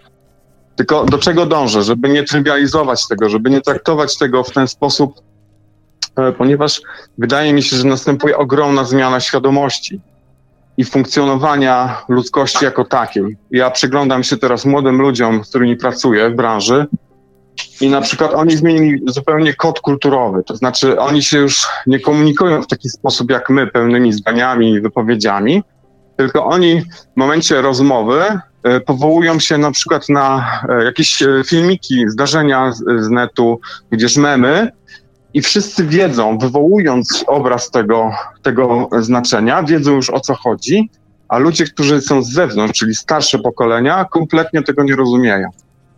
I to powoduje, że następuje zmiana. Ta zmiana, mam wrażenie, że rośnie w sposób geometryczny.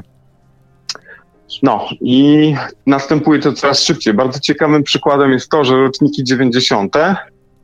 nie rozumieją zupełnie e, motywacji e, generowania czy tworzenia filmików w TikToku, roczników 2000. Oni tego nie rozumieją, a 2000 już rozumieją, mają już swój kod kulturowy, czyli te platformy powodują to, że pomiędzy tymi pokoleniami zanika jakby komunikacja. I to naprawdę.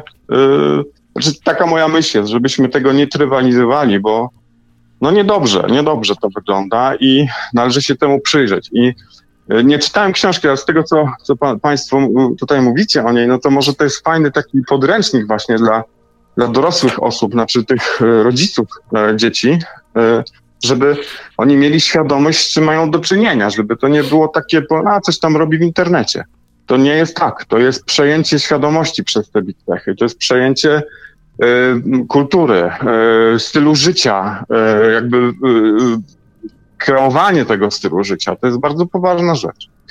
No, tak, że tak powiem, chciałem taką myślą się z, państwa, z Państwem podzielić, tak przysłuchując się. Gratuluję książki, bardzo chętnie bym się, że tak powiem, nabył smartfona analogowego. Także super, Panie Danielu, ja pozwolę sobie naszemu słuchaczowi e, tutaj polecić wizytę na stronie internetowej homoenter.com, bo tam właśnie można książkę e, nabyć. Nie wiem, czy w wersji elektronicznej, ale chyba w wersji papierowej z tego, co widzę, jest.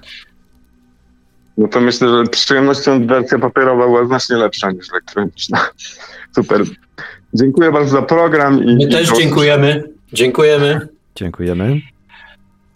Panowie, słuchacz powiedział, co powiedział. Oddaję wam głos. Ja, zanim oddasz głos naszym autorom, to ja muszę wtrącić jedną rzecz. Otóż bez przerwy słyszę, że świat schodzi na psy, że młodzi ludzie to w ogóle i tak dalej, i tak dalej, i tak dalej, po czym nagle się odzywa właśnie taki głos mm, takiego słuchacza i nagle ja mówię, wzruszam ramionami, cholera jasna. Inteligentnych ludzi jak było, tak samo zawsze będzie. Mniej więcej ten jakiś procent, te 10% tyle jest potrzebne. Reszta. Ale ten inteligentny człowiek zauważył, że to jednak e, ten big tech e, to jest jednak Wiem, niebezpieczeństwo. Wiem, To jest jednak niebezpieczeństwo. A teraz już oddajmy głos naszym gościom. Przede wszystkim ja dziękuję za ten głos, bo mm, to jest programista. tak. To nie jest filozof, oderwany bardziej lub mniej od rzeczywistości, ale to jest człowiek, który siedzi od środka, we flakach. Ja po raz kolejny chciałbym jakby tutaj podkreślić to, że mm, nie w tym rzecz, żeby skreślać ludzi młodych i udowadniać im e, te wszystkie różnice. To naprawdę jest bicie piany, to szkoda czasu. Zadzwonił człowiek jak gdyby z drugiej strony. Bo co było praprzyczyną napisania Homo Entera? Pewien przypis w książce Dyktatura danych Britannic Kaiser lub e, Christophera Willy Mintfuck. Tam był taki przypis.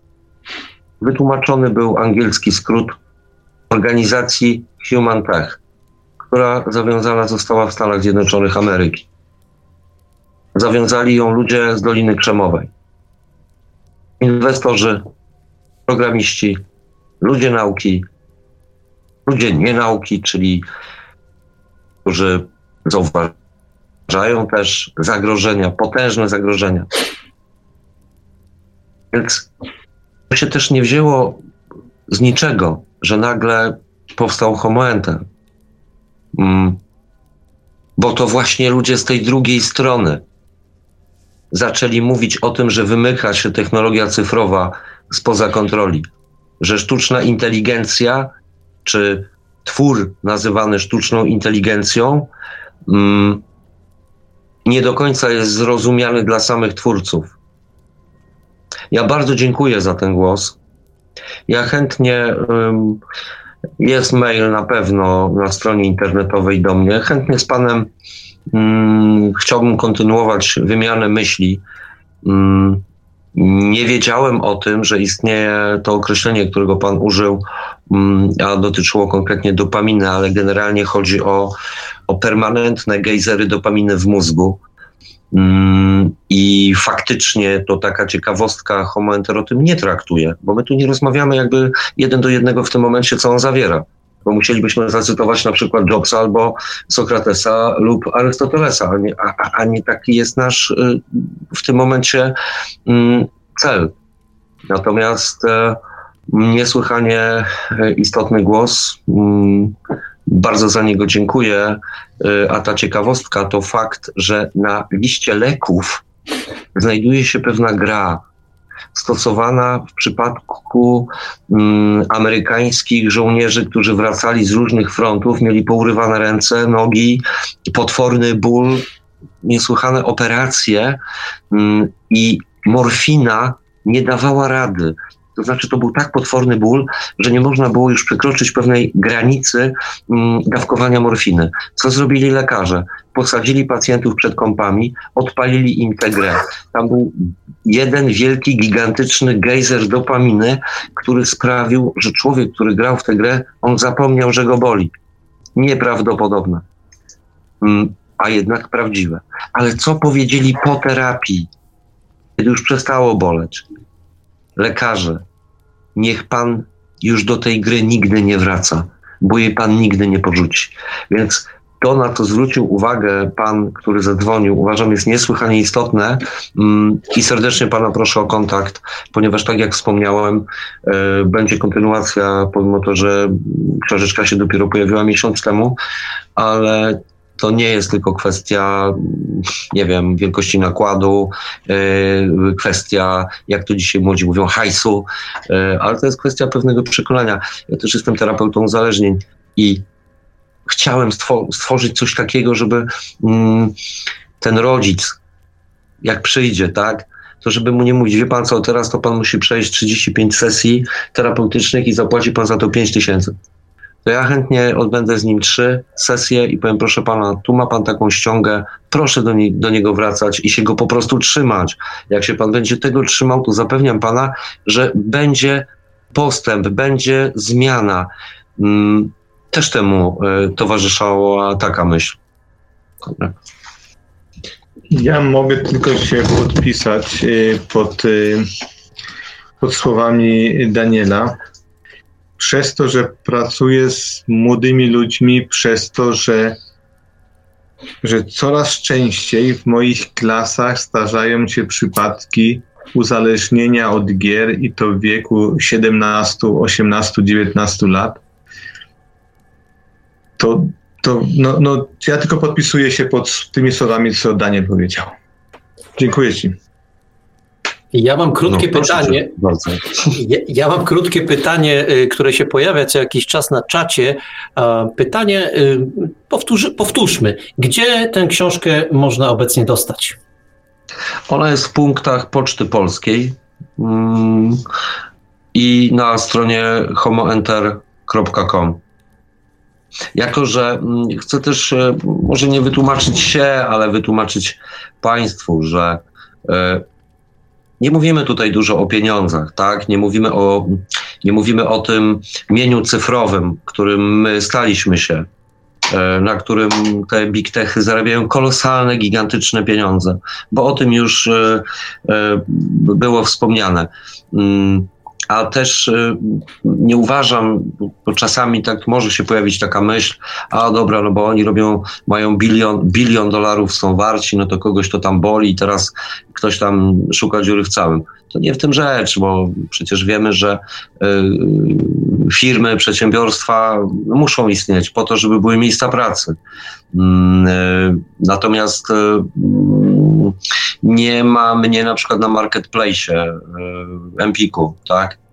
E, bo pozycja takiego małego smartfona, a takiego giganta, e, no tu zupełnie nie ma w ogóle równowagi, żeby wejść z nimi we współpracę. Więc jakby jest tylko na razie tu, być może się pojawi gdzie indziej. Mm, czas, e, czas pokaże. Ja się cieszę, że on, że on w ogóle Państwa interesuje i że zadajecie pytanie, gdzie on jest. I to, co mnie też niesłychanie cieszy, oprócz tego, że, że to są poważne rzeczy, czy poważne zagadnienia y, poruszone, to to, że y, przynajmniej tak do tej pory było, bo ja nie wiem, jak panowie odebraliście, y, kiedy go wzięliście do ręki po raz pierwszy. Nie znam waszej opinii, mm, ale ta, którą ja widzę na żywo, jest taka, że po prostu ludzie się uśmiechają. I to mnie bardzo cieszy, bo mówią, że to jest po prostu, że to jest fajne, tak? że im się to podoba. Więc jeżeli tak jest, no to super. E, ja nie wiem, jaka była moja mina, kiedy e, e, dostałem książeczki, wyciągnąłem je, wyciągnąłem je z przesyłki. Nie obserwowałem się, lustra nie było, ale obserwowałem Wiktora, jak mu zanios, zaniosłem. I to jest rzecz charakterystyczna, na którą pan zwrócił uwagę. Rzeczywiście, pierwszy był uśmiech. Po prostu to jest taka książeczka, która rzeczywiście budzi ten uśmiech. Tylko, że ja tutaj ostrzegam autora, bo, ja, że tak powiem, nie lubię się uśmiechać nieświadomie, że tak powiem, a autor zmanipulował moją świadomością, y, stworzył taką formę przekazu, swojej, swojej rzeczy, na którą ja się załapałem po prostu dokładnie jak na, na towary tych całych wielkich firm. Ja wziąłem jak idiota i się uśmiechnąłem po prostu, nie? Podobała mi się, no i podoba do teraz. Do, Powiem od razu o tym, że forma tej książeczki, już o niej mówiliśmy troszeczkę, ale jest naprawdę niebanalna. Jeśli ją położyć koło takiego przeciętnego smartfona i odejść trzy kroki, no to już z odróżnieniem tego papierowego i prawdziwego smartfona mogą być kłopoty. To zależy pewno od, od wzroku, ale, ale jak już damy pięć kroków do tyłu, to już moim zdaniem trudne, trudne do odróżnienia. Więc i ta forma jest przynajmniej intrygująca. Ja proponuję, żebyśmy sobie zrobili e, odrobinę przerwy, posłuchali posłuchali dwóch, e, kolejne uzależnienie, e, posłuchali dwóch kolejnych fragmentów książki Homo Enter, czyli Jak nie zostać złowionym. O zakazach. Kiedy Steve Jobs, twórca Apple'a, stanął na scenie i pokazał pierwszy dotykowy telefon z dostępem do internetu, uczestnicy konferencji z zachwytem słuchali porywającej przemowy. Producent zachwalał jego walory i ułatwienia w odbieraniu e-maili, słuchaniu muzyki, graniu, uczeniu się, komunikowaniu i tysiące innych, nowych, nieznanych jak dotąd możliwości, jakie da im ten wynalazek. Jobs wznosi się na wyżyny w handlowej przemowie. Od tej pory urządzenie z roku na rok bije rekordy sprzedaży. W tym samym czasie, kiedy kaskada zamówień spływa z różnych zakątków świata, w czterech ścianach swojej eleganckiej willi Jobs wprowadza kategoryczny zakaz dla swoich dzieci. Czego dotyczy? Używania iPadów. Jobs chce zarabiać, ale nie kosztem swoich dzieci. Nie chce, aby stały się kimś, kim nie są. Podczas wspomnianej prezentacji o zakazach dla dzieci nie mówi. Twój czas jest ograniczony, więc nie marnuj go na bycie kimś, kim nie jesteś. Nic nie zabija humoru tak skutecznie jak ogólna i nudna prawda.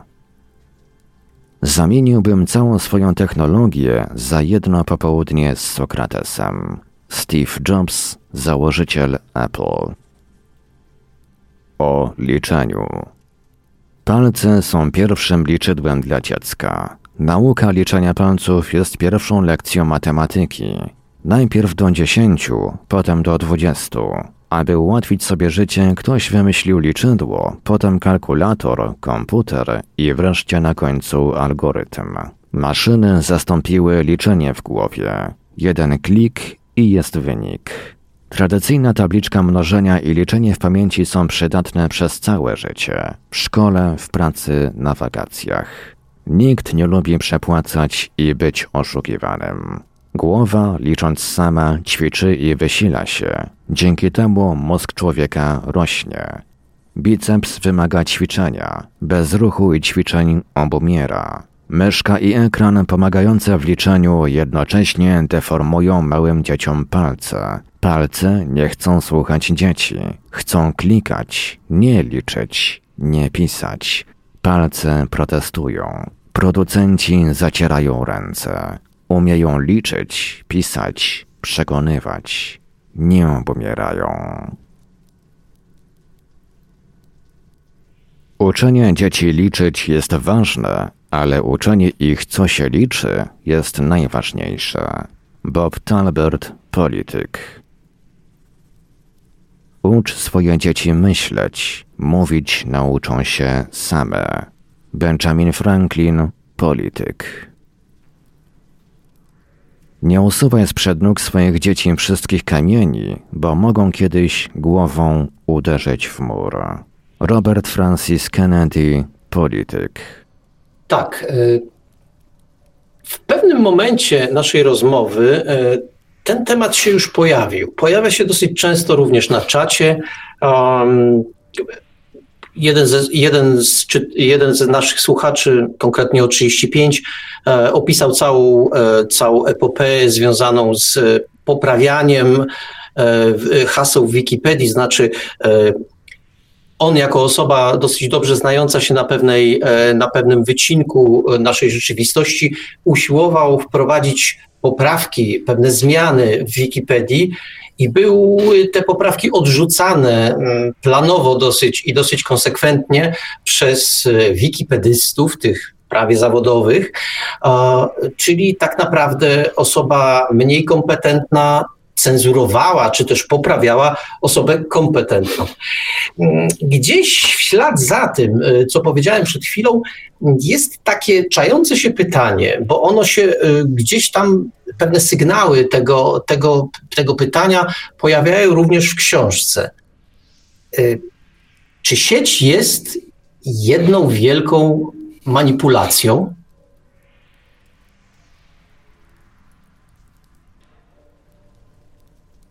Znaczy zależy jak spojrzymy na to, panie Marku. No to spójrzmy, spójrzmy z wielu stron. Bo mm, sięgnę, pozwoli pan, do y, Homo Entera. A, i zacytuję y, Billa Gatesa. Hmm? Chociaż w Chinach sprzedaje się corocznie około 3 milionów komputerów, użytkownicy nie płacą za oprogramowanie. Kiedyś zapłacą. Tak długo, jak będą je kradli, chcemy, żeby kradli nasze. Staną się jak gdyby uzależnieni. A wtedy jakoś dojdziemy do tego, jak sobie to powetować w przyszłości. To jest Bill Gates, założyciel Microsoftu. Czy tym cytatem możemy odpowiedzieć na Pana pytanie? Myślę, że częściowo. Hmm. Tak, ale y, ja... Wydaje się, że na, na początku, kiedy powstawały y, wielkie mm, big techy, tak to trzymajmy się tej terminologii tutaj przez pana e, programistę e, zaproponowano, mm, to intencje były, były fantastyczne. No, no nie oszukujmy się, mail był czymś fajnym, czymś nowym, czymś ciekawym, interesującym. Przerabiałem to też przecież, e, kiedy pierwsza strona internetowa firmy, dla której pracowałem, powstała. Mm, więc jakby intencjonalnie e, to, co człowiek wymyśla, czy potrafi stworzyć, wydaje się być e, dobre, znaczy dla nas dobre, w tym sensie pozytywne.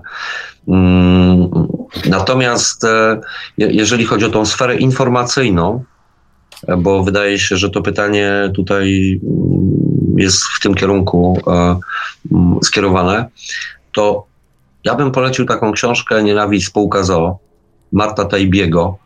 Homo go cytuję, który to dziennikarz z kilkudziesięcioletnim stażem zawodowym tłumaczy, jak funkcjonują współczesne media w Stanach Zjednoczonych. Ale ktoś powie, co nas to obchodzi, jak my żyjemy tu w Polsce. Okej, okay. tylko że to jest lustrzane odbicie. To, co dzieje się w Polsce, jest lustrzanym odbiciem tego, o czym pisze Matt Taibbi. Mnie zaskoczyło to, że mm, kiedyś y, y, właścicielom gazet y, zależało na tym, żeby nakład wciąż powiększać. E, właścicielom stacji radiowych e, zwiększać liczbę słuchaczy, mm, stacjom telewizyjnym widzów. Dzisiaj to się zmieniło. To znaczy, że produkujemy dla naszych konsumentów, konsumwateli, te wiadomości, które wiemy, że są dla nich. Czyli krótko mówiąc, yy, widz stacji X nie zrozumie pochwały pod adresem jakiegoś rządu, skoro tam jest tylko krytyka. Z kolei widz stacji Y też nie przyjmie do wiadomości komunikatu, że oto nagle ten polityk zrobił coś mądrego, coś dobrego. Generalnie bazuje się na strachu, na lęku, na emocjach, na mm, tak naprawdę mm, zalewaniu permanentnym newsami negatywnymi, pandemicznymi, śmiercionośnymi y, konsumentów, a co z kolei przekłada się na poglądy, na wybory, nie tylko y, zakupowe, na światopogląd, na postrzeganie drugiego człowieka. Co ciekawe, jeden z autorów uważa, że człowiek w jakimś stopniu się dematerializuje, jeżeli e, zbyt e, wiele godzin poświęca na technologie cyfrowe. Więc próbując puentować tą, tą wypowiedź, czy to wszystko jest jedną wielką manipulacją, e, to chciałbym tu i teraz i czuję to, jakby pomimo to, że rozmawiamy na odległość, mm, nie uważam pana ani e, panów z bibliotekarium, że to, co mówicie, jest jakąkolwiek manipulacją. Mm, nie czuję tego, żeby taki miał być cel.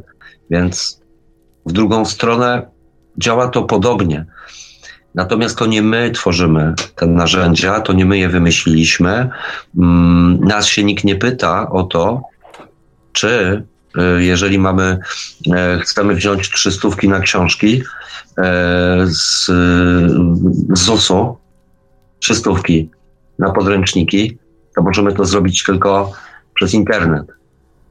E, ja, żeby móc zapisać moją córkę na lekcję pływania, będąc osobiście w miejscu, gdzie te lekcje są organizowane, chciałem ją zapisać. Powiedziano mi nie, tylko może pan to zrobić mailem. E, jest wiele narzuconych rozwiązań, a w związku z tym, że nie możemy jakby nic z tym zrobić, no to ja taką swoją przestrzeń po prostu e, buduję. Staram się, żeby to były takie mm, dobre relacje, a filtruję te wiadomości. Mieć, nie, nie, nie, nie, czytam, nie muszę wiedzieć wszystkiego o każdej porze dnia i nocy. Mm, e, kiedyś byłem newsowcem wiele lat temu, 20 lat temu pracowałem w newsach. E, więc nie mam takiej po prostu potrzeby, nie? Ale potrzeby nasze są różne, więc chodzi generalnie, wydaje mi się, o, o równowagę i o świadomość, że ten news, który czytamy, bo oczywiście możemy tu zacząć mówić o hejcie, o, o, o tych fake newsach i tak dalej, to przecież nasi słuchacze i Państwo też wiecie, że temat jest eksploatowany e, i, jakby oklepany i ograny, tak? E, natomiast e, mm, nie, nie, odpo, nie, nie, podjąłbym się odpowiedzieć na pytanie, czego jest więcej, a panu, który próbował, e, jest profesjonalistą, ja to też wspomniałem wcześniej, że są bardzo profesjonalni fachowcy w jakiejś dziedzinie. E, jeżeli on nie może tej definicji e, uzupełnić, aby była bardziej bogata, jakby dawała mi jako odbiorcy więcej, mm, no to cóż, nie sądzę, aby wróciły na półki grube tomy encyklopedii które były wznawiane i kosztowały kupę pieniędzy i, i mnóstwo drzew ścięto, żeby one mm, powstały. Bardziej bym, bym, sugerował szukania na własną rękę po prostu w literaturze, która się pojawia i, jest, jest jej coraz więcej. Ja, ja bym, no ja widzę podobnie i ja bym przyznał panu ra, a, absolutnie rację. Y, rzeczy prezentowane w necie są, to jest jedna wielka manipulacja. Mniej lub bardziej y, świadoma, mniej lub bardziej prymitywna, ale jednak manipulacja z racji również tego, że każda nasza wypowiedź jednak jest zabarwiona naszym subiektywnym odczuciem i naszą subiektywną historią naszego życia. I mimo, ja, ja patrzę na to jako pedagog. Yy, zorganizowałem dla szkoły yy, warsztaty całodniowe właśnie o fake newsach i o manipulacji w sieci. I uczniu stawiali, tam przy, za, z, zaprosiłem specjalistów i oni po prostu pracowali z uczniami, przedstawiali różne wiadomości o tym samym i kazali tym uczniom te różnorakie wiadomości zreflektować i przesiać właśnie przez własne sito własnej, yy, własnej refleksji.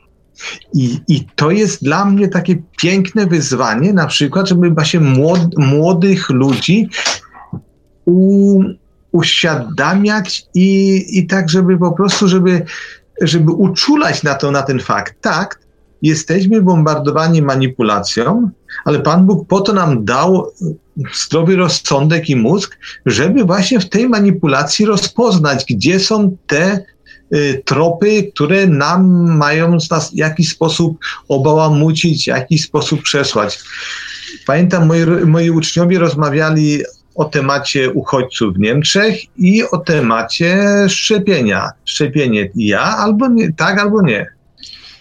I to było właśnie piękne, że, że to ja, by, ja to zdanie, wszystko w necie jest manipulacją, ja dla mnie jako pedagoga to jest wyzwanie. Wyzwanie, żeby właśnie młodym ludziom pokazać, zobaczcie, tak, tak jest, a teraz po to macie mózgi, żeby to rozpoznać. To ja mam tutaj y, taką uwagę, że nie wiem, czy po to są te mózgi, bo ja nie wiem, czy temu, temu demonowi społecznemu, który, który nas w przyszłości e, ogarnie mózgi nasze indywidualne są w ogóle potrzebne. Mam poczucie takie i powiem to, co jest chyba najważniejsze dla mnie tutaj, e, co mam do powiedzenia. Otóż ja mam zastrzeżenia do pewnych, nie tylko do wniosków z tej książki wyciekających, ale również do doszukiwania się pewnych do wytyczania pewnych źródeł. Otóż nie mam zastrzeżeń mm, do. To znaczy, mów facet sensownie. Mam zastrzeżenia do czegoś takiego, że być może pewne rzeczy, czepianie się y, pewnych spraw, choćby jak tych gier komputerowych, uzależnień od, y, od, od, od smartfonów i tak dalej, jest wszystko tego, natomiast y, wszystko w porządku. To wszystko jest celne, ale źródło tego wszystkiego, co naszą, że tak powiem, europejską cywilizację właściwie y, w tej chwili powala na kolana. Y, otóż ja przypomnę jedną rzecz. Czym cywilizacja europejska, z której się wywodzi również Ameryka, jakby nie było, czym i była przez 2000 lat. Był to bardzo y, pewien system zbudowany na, na podobieństwo organizmu ludzkiego. E, ten organizm posiada e, oddzielne komórki, oddzielne, niezależne od siebie narządy. Ten organizm w sumie stanowi równocześnie pewną całość. Europa przez 2000 lat podzielona była diametralnie, bezwzględnie, totalnie granicami, językami, kulturami, światopoglądami, różnymi rzeczami. To były te części składowe, te komórki. I była jedna rzecz, która ją łączyła. To, tą rzeczą było chrześcijaństwo. E, upadek współczesnego świata, te wszystkie rzeczy, które, ku, ku którym zmierzają, są pewną dla mnie konsekwencją zamachu na te wartości organiczne Europy. E, przypomnę jedną rzeczą, jak się ludzie strasznie cieszyli w tych samym pod koniec ubiegłego wieku, że ta komunizm upadł. Ja, mi włosy dęba stawały na głowie, no bo przecież no jasne, jak może upaść, skoro wyznawcy y, tej wiary, że tak powiem, istnieją, nikt im życia nie odebrał, nikt ich nie wymazał, oni mogą spokojnie dalej toczyć. Otóż co komunizmowi było potrzebne? Komunizmowi y, była potrzebna ludzka masa żadnych granic, żadnych zbędnych języków, żadnych zbędnych kultur. My wszyscy razem. To zostało zrealizowane w 2001 wieku, e, w XXI wieku doskonale w tej chwili w Europie. My stajemy się, to co zresztą panowie zauważają, masą. Y, przestajemy mieć charaktery, przestajemy należeć do jakichkolwiek grup, przestajemy być czymkolwiek, nie, jest, nie wchodzimy w skład żadnego organizmu. Stajemy się konsumentami. Tak, jesteśmy tylko konsumentami i nasz, czyli tym, tym, e, tym wspaniałym radzieckim człowiekiem, który był tak e, wymarzony przez, e, przez komunistów. Otóż ja uważam, że właśnie ta, ku temu zmierza ten cały świat. Do stworzenia właściwie takiej cywilizacji y, mrowiska po prostu, bo Holender jasna, indywidualności w mrowisku są y, absolutnie szkodliwe. One przeszkadzają y, perfekcyjne, w perfekcyjnym działaniu całego systemu po prostu. Indywidualizm jest niepotrzebny, a to, co wynieśliśmy w kulturze europejskiej dzięki zwróćcie uwagę, że, że my, to znaczy Europa w przeciwieństwie do większości, e, do reszty świata miała, nie była, e, że tak powiem, taką, takim czymś, co nagle powstało i tak dalej i dokonało tego, co dokonało. Przed Europą był Babilon, był Egipt, była Grecja, był Rzym. Myśmy mieli pewien, e, pewną, pewien, pewne etapy dochodzenia do, do czegoś, do indywidualności właśnie. Natomiast reszta świata, tak jak Chiny, posiada swoją ciągłość od wielu tysięcy lat. Przed Chinami nie było tam ani Babilonu, ani Grecji, ani Rzymu, tylko zawsze były Chiny. Tak samo jak e, na Półwyspie Indochi, e, na, w Indiach były, były Indie. E, tym się różniła Europa. I, Europa, Europa stworzyła indywidualizm, który jest światu na wszość potrzebny, i y, ja tutaj bardzo się cieszę i biję brawo wszystkim inteligentnym naszym słuchaczom, ale my jesteśmy na wymarciu, bo my jesteśmy nikomu niepotrzebni, po cholerę.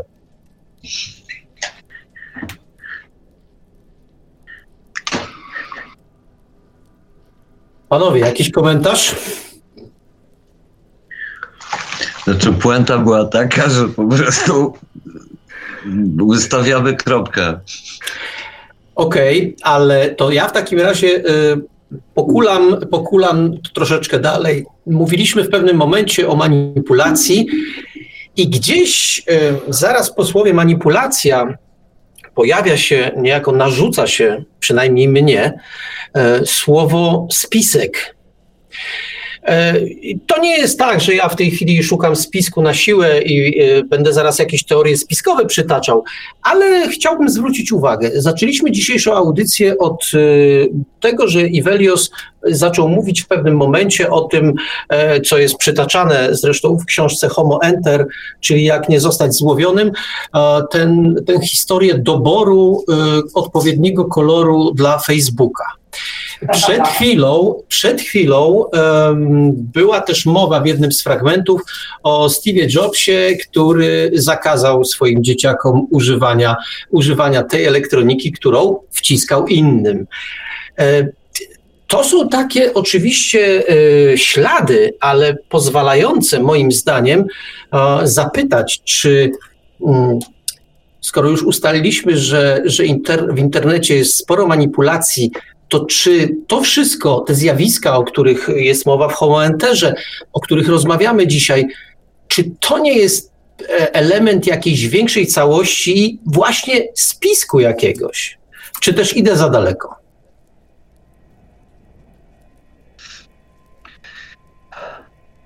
Ja bym powiedział w ten sposób: Pekunia non. I to dobro cyfrowe, którym jest każdy z nas, jest warte gigantyczne, kolosalne pieniądze. O,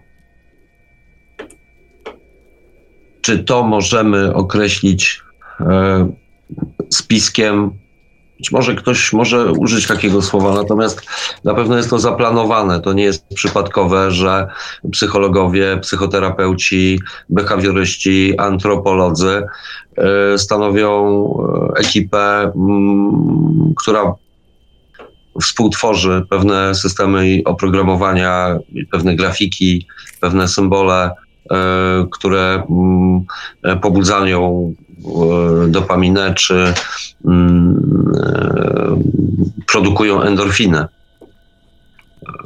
Zatem jest to zaplanowane bardziej w ten sposób. Ja to tak e, odbieram.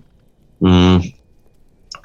Są zdokumentowane e, mm, takie sytuacje związane z użytkowanymi, którym się wydaje, że są użytkownikami a różnica pomiędzy e, użytkownikiem ulicy e, a użytkownikiem portalu społecznościowego jest e, dość spora. Mm, no bo jeżeli mm, prowadzono badania na bardzo dużej grupie, nie chcę podawać w tej chwili kwotowo, jaka to była liczna grupa, żeby nie wprowadzić Państwa w błąd, po prostu nie pamiętam, zapomniałem E, ale to było grubo, grubo setki tysięcy ludzi. Mm, poddano ich eksperymentom, jak zareagują e, na taką wiadomość, na taką wiadomość. Eksperymenty na ludziach są po prostu prowadzone przez Facebooka konkretnie.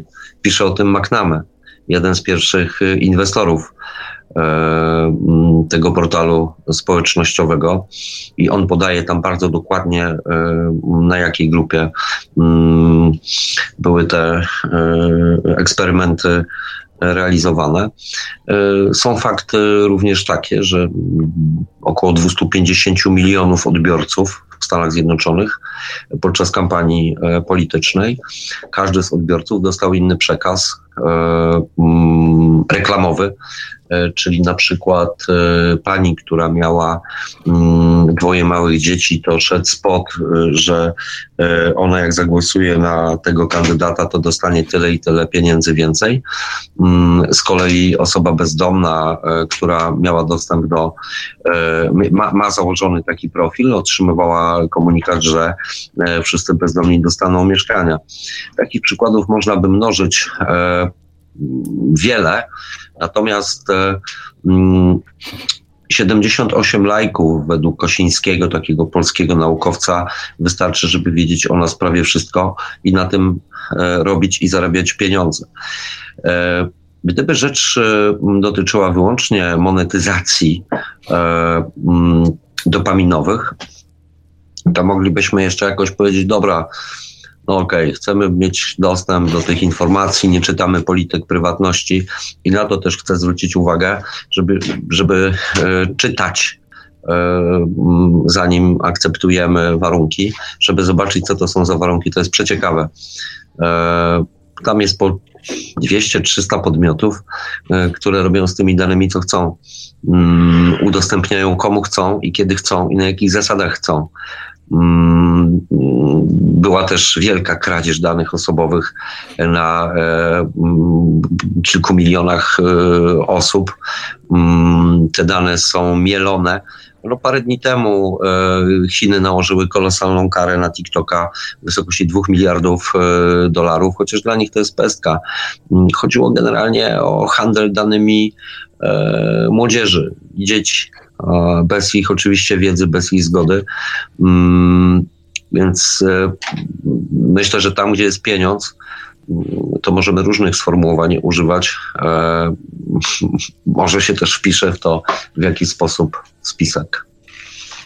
Panie Danielu, ja mam tylko pe pewne pytanie, ale jeżeli staniemy tak sobie w tej chwili, tak jak rozmawiamy, po tej drugiej stronie, czy pan uważa, że bez tych badań i bez tych eksperymentów można się rozwijać? No nie można. Prawda? Więc oni muszą to robić. A pan w tym momencie broni tego, y, co ja powiedziałem. Pan broni indywidualistów, że tak powiem. A indywidualiści, tak jak powiedziałem, są już niepotrzebni przecież. Czyli pan właściwie to już jest. Yy... Komu są niepotrzebni, to są niepotrzebni. E, natomiast ja zwrócę uwagę na to, że w pewnym momencie e, to użycie słowa konsument wzbudziło pewne, pewne kontrowersje, przynajmniej wśród niektórych naszych słuchaczy. Bo jakżeż to? No i właśnie, i, i, i któryś z panów o tym mówił, że my bardzo często um, żyjemy w takim odrealnionym poczuciu, że to my jesteśmy użytkownikami.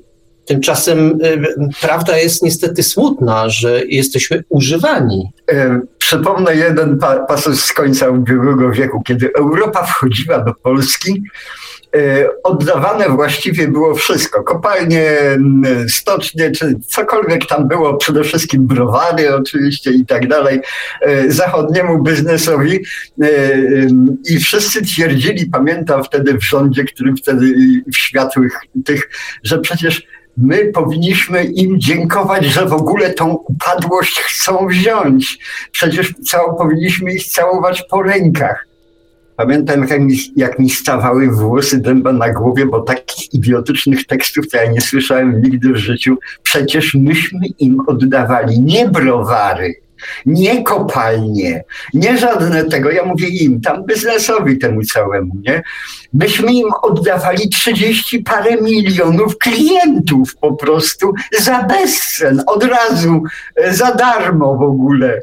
I, a nasz rząd twierdził, że my nic nie mamy do sprzedania. Tak, tak, Wiktorze, tylko jest taka jeszcze, yy, znaczy to wszystko prawda, no. tylko jest taka subtelna różnica, bo jeszcze ten kapitalizm, nazwijmy to analogowy, no. on działał troszeczkę tak, że no, był konsument i, i klient powinien być zadowolony, no. jeszcze były takie hasła, że powinni, e, w ogóle oni są przecież dla klienta i tak dalej, i tak dalej. Ja odnoszę wrażenie, że e, czasy cyfrowe, kapitalizm cyfrowy doprowadził do tego, że nikt się już o nic cię nie pyta. E, nie tak, jesteś ważny. Bro, tak, browar nie będzie produkował piwa, jakie ty lubisz, tylko ty polubisz to, co browar no, wyprodukuje. O mniej więcej, coś takiego, tak to wygląda. I w tym świecie, świecie elektroniki tak to, troszeczkę działa, że E, Facebook, e, inne portale e, społecznościowe wychowują sobie no. klientów. Wychowują sobie klientów, kształtują ich, dobierają. Oczywiście jest taka grupa, która się, która się nie daje, nie daje mm, odpowiednio ulepić, ugnieść, no to tych się wyrzuca poza nawias. Oni, no, poza, oni wędrują poza bańkę. Ale być może być może przy upadku, że tak powiem, filozofii rodziny jako takiej, to jest nowa rodzina. No tak, ale no właśnie, no właśnie, bo y, gdzieś to od początku naszej audycji się przewija i tak, tak to mielimy i mielimy. To może powiedzmy to wprost. Y, czy media społecznościowe, ja oczywiście tę tezę już wygłosiłem, ale chciałbym, żeby to z, z pozycji jednak człowieka, który przez temat się przegryzł, żeby pan Daniel powiedział, czy te media społecznościowe e, czy one są tak społecznościowe jak e, stary dowcip o krześle i krześle elektrycznym? To te media są tak społecznościowe jak to krzesło elektryczne? Jak z koziej dupy trąbka.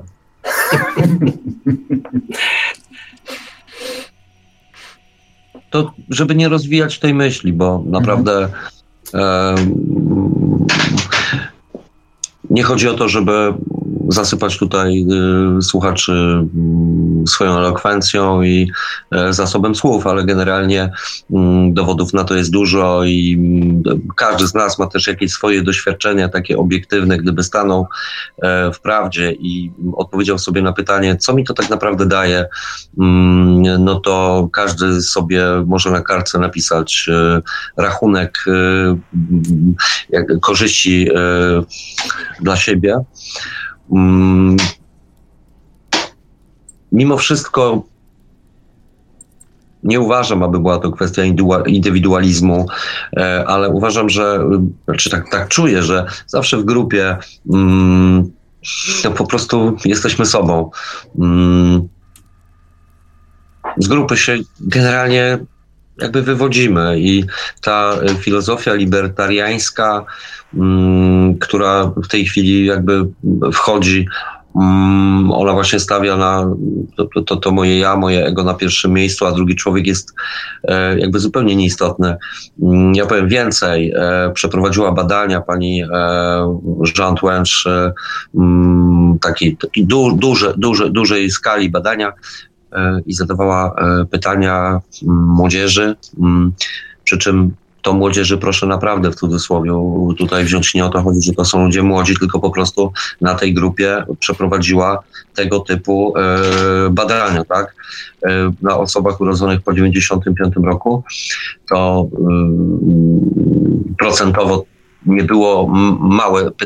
Pytanie było takie, mm, co to jest e, według Was miłość, uczucie do drugiego człowieka, chęć, jakaś em, znaczy empatia, mm, pomoc, to, to odpowiedzi były mm, e, takie, że coraz częściej miłość e, mm, jest uznawana za patologię.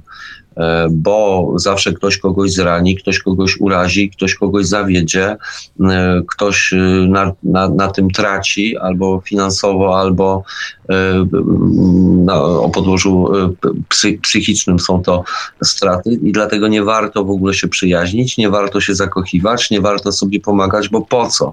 I pani profesor twierdzi, że mamy tutaj do czynienia ze związkiem przyczynowo-skutkowym mm. w ćpaniu internetoiny, e, w obcowaniu z jakimś pato streamingiem, pato treściami, które e, algorytmy lubią podsuwać, bo one rodzą kliki, a to rodzi cache.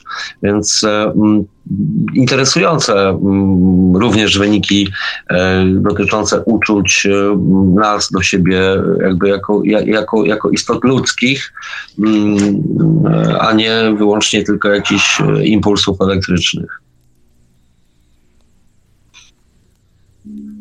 Tak, ja proponuję, żebyśmy, e, ponieważ zbliżamy się do końca audycji, żebyśmy posłuchali ostatniego fragmentu przygotowanego przez Iweliosa książki Homo Enter, czyli Jak nie zostać złowionym. O awanturach. Awantury domowe nie są czymś nowym. Nowy jest ich przedmiot. Przewieńmy czas o 30 lat. Wracaj do domu, ale jesteś brudny. Znowu masz dziurawe spodnie. Po dniu pełnym przygód następowały oględziny siniaków i zadrapań. Pojawiała się troska i pytania, gdzie on jest? Robi się ciemno. Jezus Maria, coś na pewno się stało. To poczucie ulgi, kiedy wreszcie w drzwiach stanęło ukochane dziecko. Nowy przedmiot awantur jest ciepły, niewinnie szumi, nie nabija siniaków, nie brudzi się, śmieje się do dziecka. Zamknij już ten komputer, wypierdolę ci go. A przedmiot jest milczącym obserwatorem troski rodziców. A było tak fajnie. Tyle godzin spokoju. Dziecko się uczy, chce poznawać świat, nowych ludzi, ma znajomych w Kanadzie i na Fidżi. Chce się uczyć japońskiego a potem wrzask. Oceny lecą w dół, słucha, a nie słyszy, ma oczy, a nie widzi. I konsumentów, rodziców coraz częściej trafia szlak, a potem bezsilność. Użytkowane dzieci coraz rzadziej przepraszają. Wyłącz wszelkie powiadomienia na swoim laptopie i telefonie. Uśpij komputer i umieść go razem z telefonem w drugim pokoju, zanim pójdziesz do łóżka. Zrobienie kroku wstecz w kwestii technologii jest sposobem na odzyskanie równowagi. Doktor Susanna i Flores.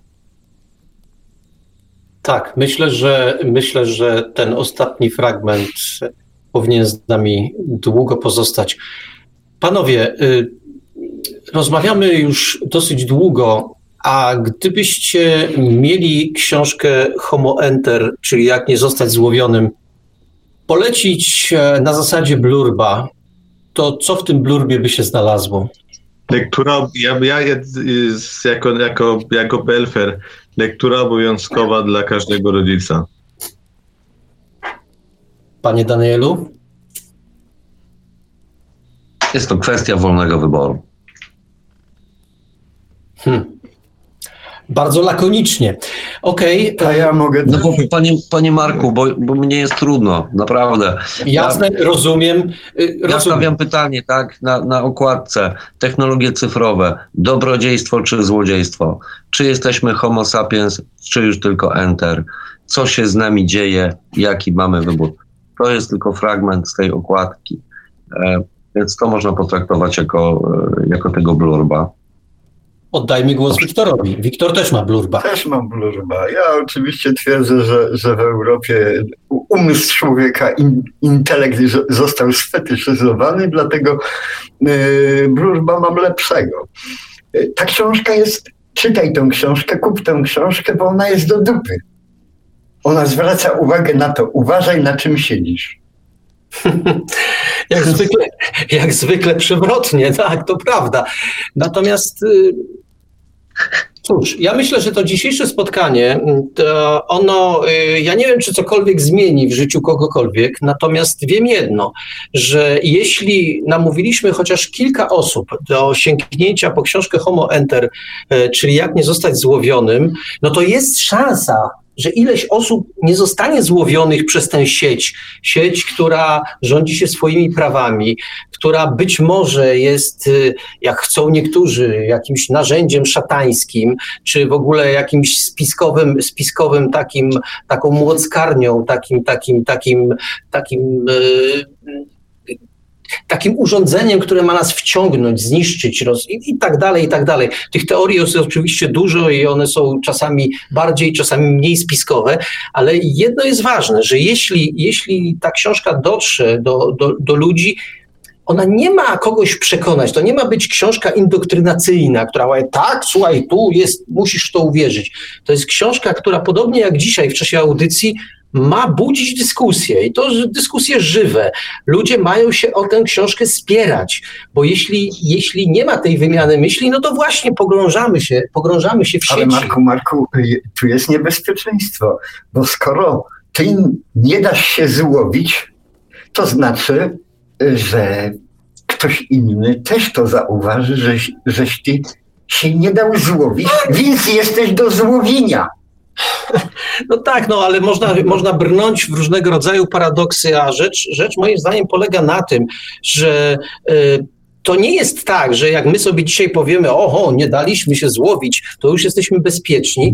E, myślę, że pan Daniel pokazuje w tej książce, że ten mechanizm, on jest cały czas napędzany i jak jeszcze, jeszcze nas nie złowili, to wcale nie oznacza, że nie złowią nas jutro, pojutrze, czy za, za, za kilka dni, czy za kilka lat.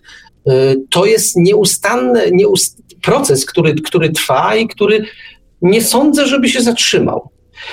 No bo y, jeśli przyjmiemy nawet tę teorię, że to jest tylko kasa, kasa, kasa, no to rządza kasy właściwie nie, nie zna ograniczeń. Jeżeli ktoś kasę może zdobyć, to będzie chciał ją zdobyć. A jeśli ty jesteś e, tym, tym użytkownikiem, który, któremu się udaje, wydaje, że jest użytkownikiem, a jest używany i tę kasę e, możesz przynieść, możesz złe słowo wygenerować, no to zrobią wszystko, żeby, żeby się wygenerował. No tak, tak, tak to odbieram. Panowie. Tutaj nie ma, powiem panie Marku, tutaj nie ma przeproś, tutaj nie ma mm, żadnego katalogu, mm, jaki, jak, jakiegokolwiek katalogu, jakichkolwiek wartości, y, tego co nazywaliśmy kiedyś wartościami, a mm. żeby to mm, jakby podsumować, spuentować i a jeszcze wracając troszeczkę do Pana pytania, gdzieś mi utkwiło, to technologie cyfrowe, one już swoją rolę odegrały.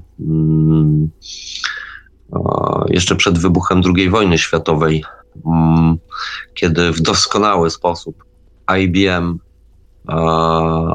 był producentem kart perforowanych, na które to karty perforowane mm, zapisywano i wgrywano wszystkie dane osobowe e, podczas wielkiego spisu e, w Niemczech, e, a później także w Europie. I dzięki temu, dzięki urządzeniom IBM-u, pomimo zakazu współpracy z nazistowskimi Niemcami, E, technologia została IBM-u im mm, sprzedana mm, e, i do czego doprowadziła. I to już jest sedno sprawy.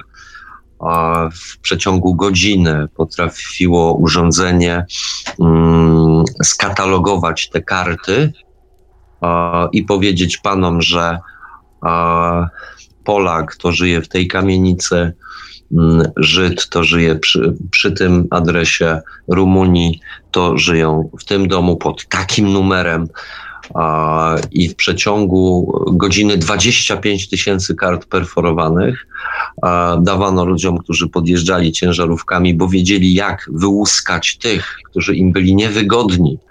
Tak, książka IBM w służbie Holokaustu jest też taką książką niewygodną. E, myślę, że marka Państwu znana i jak ktoś będzie chciał znaleźć książkę IBM e, w służbie Holokaustu, to sobie ją e, znajdzie. I autor opisał fakty, bo zastanawiające było to, jak w tak krótkim czasie można było odróżnić jednych od drugich i stwierdzić, że ci to mają prawo żyć, a ci nie. Więc zrobiono to bardzo szybko, zrobiono to w sposób logistycznie fenomenalny przy użyciu nowoczesnych technologii. A ja tylko powiem, że od tego czasu e, stopień inwigilacji, stopień skatalogowania nas wszystkich, no, post- postąpił, no, trudno mówić nawet o postępie, to jest po prostu skok jakiś ogromny. E, my dzisiaj opowiadamy sobie na zasadzie pewnego, nawet nie wiem czy żartu, tylko pewnej przypowieści, że być może kamery w laptopach nas podglądają, być może kamery w smartfonach nas podglądają, w każdym razie mogą. E, mówimy sobie jako ciekawostkę, że jak się w pobliżu komputera e, zacznie o czymś mówić, to jakoś dziwnie pojawiają się na niektórych ekranach reklamy, które w jakiś sposób nawiązują do tej rozmowy, która była toczona przy komputerze. I to sobie tak powtarzamy e, na zasadzie ciekawostki, na zasadzie tego, że jedna pani drugiej pani coś opowiedziała, no ploteczki, ploteczki, ploteczki. E, jakby nie traktujemy tego poważnie i chyba nie mamy tego traktować poważnie, a z drugiej strony dziwimy się, kiedy czasami dotrze do nas, ile tak naprawdę mm, jakaś instytucja, jakaś firma, jakieś coś wie o nas, chociaż my tak naprawdę e, tych wiadomości wcale nie, nie przekazywaliśmy. To tak w nawiązaniu do tego, o czym mówił pan Daniel, o, o IBM-ie i, i, i, tym, że maczał, maczała firma e, palce w Holokauście, e, no to teraz sobie państwo wyobraźcie, i ja nie, nie chcę straszyć. Jak po, daleko poszliśmy Jak naprzód, daleko poszliśmy nie? naprzód i co nam można zorganizować w związku z tym, z tą powszechną wiedzą o tym, jacy jesteśmy, jakie mamy preferencje, w ogóle co nas interesuje i, i tak dalej, i tak dalej. Ale, ale Marku, ja muszę ci powiedzieć, od 20 paru lat mam kontakt z tak zwaną szarą strefą. Yy, muszę wam powiedzieć, że ci homo sapiens z tej szarej strefy trzymają się dobrze. Yy, nigdy nie rozmawiają, jeśli w pobliżu jest jakikolwiek samochód, yy, telefon, zegarek, jakiekolwiek urządzenie techniczne. Nigdy ze sobą nie wymieniają informacji, żyją zupełnie w innym tym i żyją bardzo dobrze. E, ja tylko pamiętam no, z takich ploteczek, no wiecie Państwo, e, kiedyś były na, na przykład na posiedzeniach, e, no nie wiem czy to się nazywa posiedzenia, jak się zbierał sztab, mhm no, nie wiem, czy, jak on tam miał przymiotnik, czy generalny, czy jakiś, polskie, pol, polskie, polskie sztabowe rozmowy, y, to zasada była taka, że nie tylko nie wolno było wejść na, na, na, taki, na takie zebranie z telefonem komórkowym, nie, nie, to w ogóle nie wchodziło w grę, ale nawet w przedsionku należało wyjąć z tego telefonu baterię. Tak. Tak no to spróbujcie Państwo ze współczesnego smartfonu wyjąć baterię. Chyba młotkiem. Chyba młotkiem, bo już nie można wyjąć z niego baterii i tak dalej, i tak dalej. Myślę, że tego rodzaju ciekawostki, takie dziwne zbiegi okoliczności moglibyśmy mnożyć. Nie o to chodzi. Chodzi o to y, i przy, po lekturze książki Homo Enter, czyli jak nie zostać złowionym, czy w ogóle przy tego rodzaju y, dyskusjach, jakie toczymy, żeby pomyśleć chociaż na chwilę o tym. Nie przyjmować do wiadomości, że e, nasz komputer to, czy nasz komputer tamto, czy nasz smartfon i tak dalej, i tak dalej. Nie.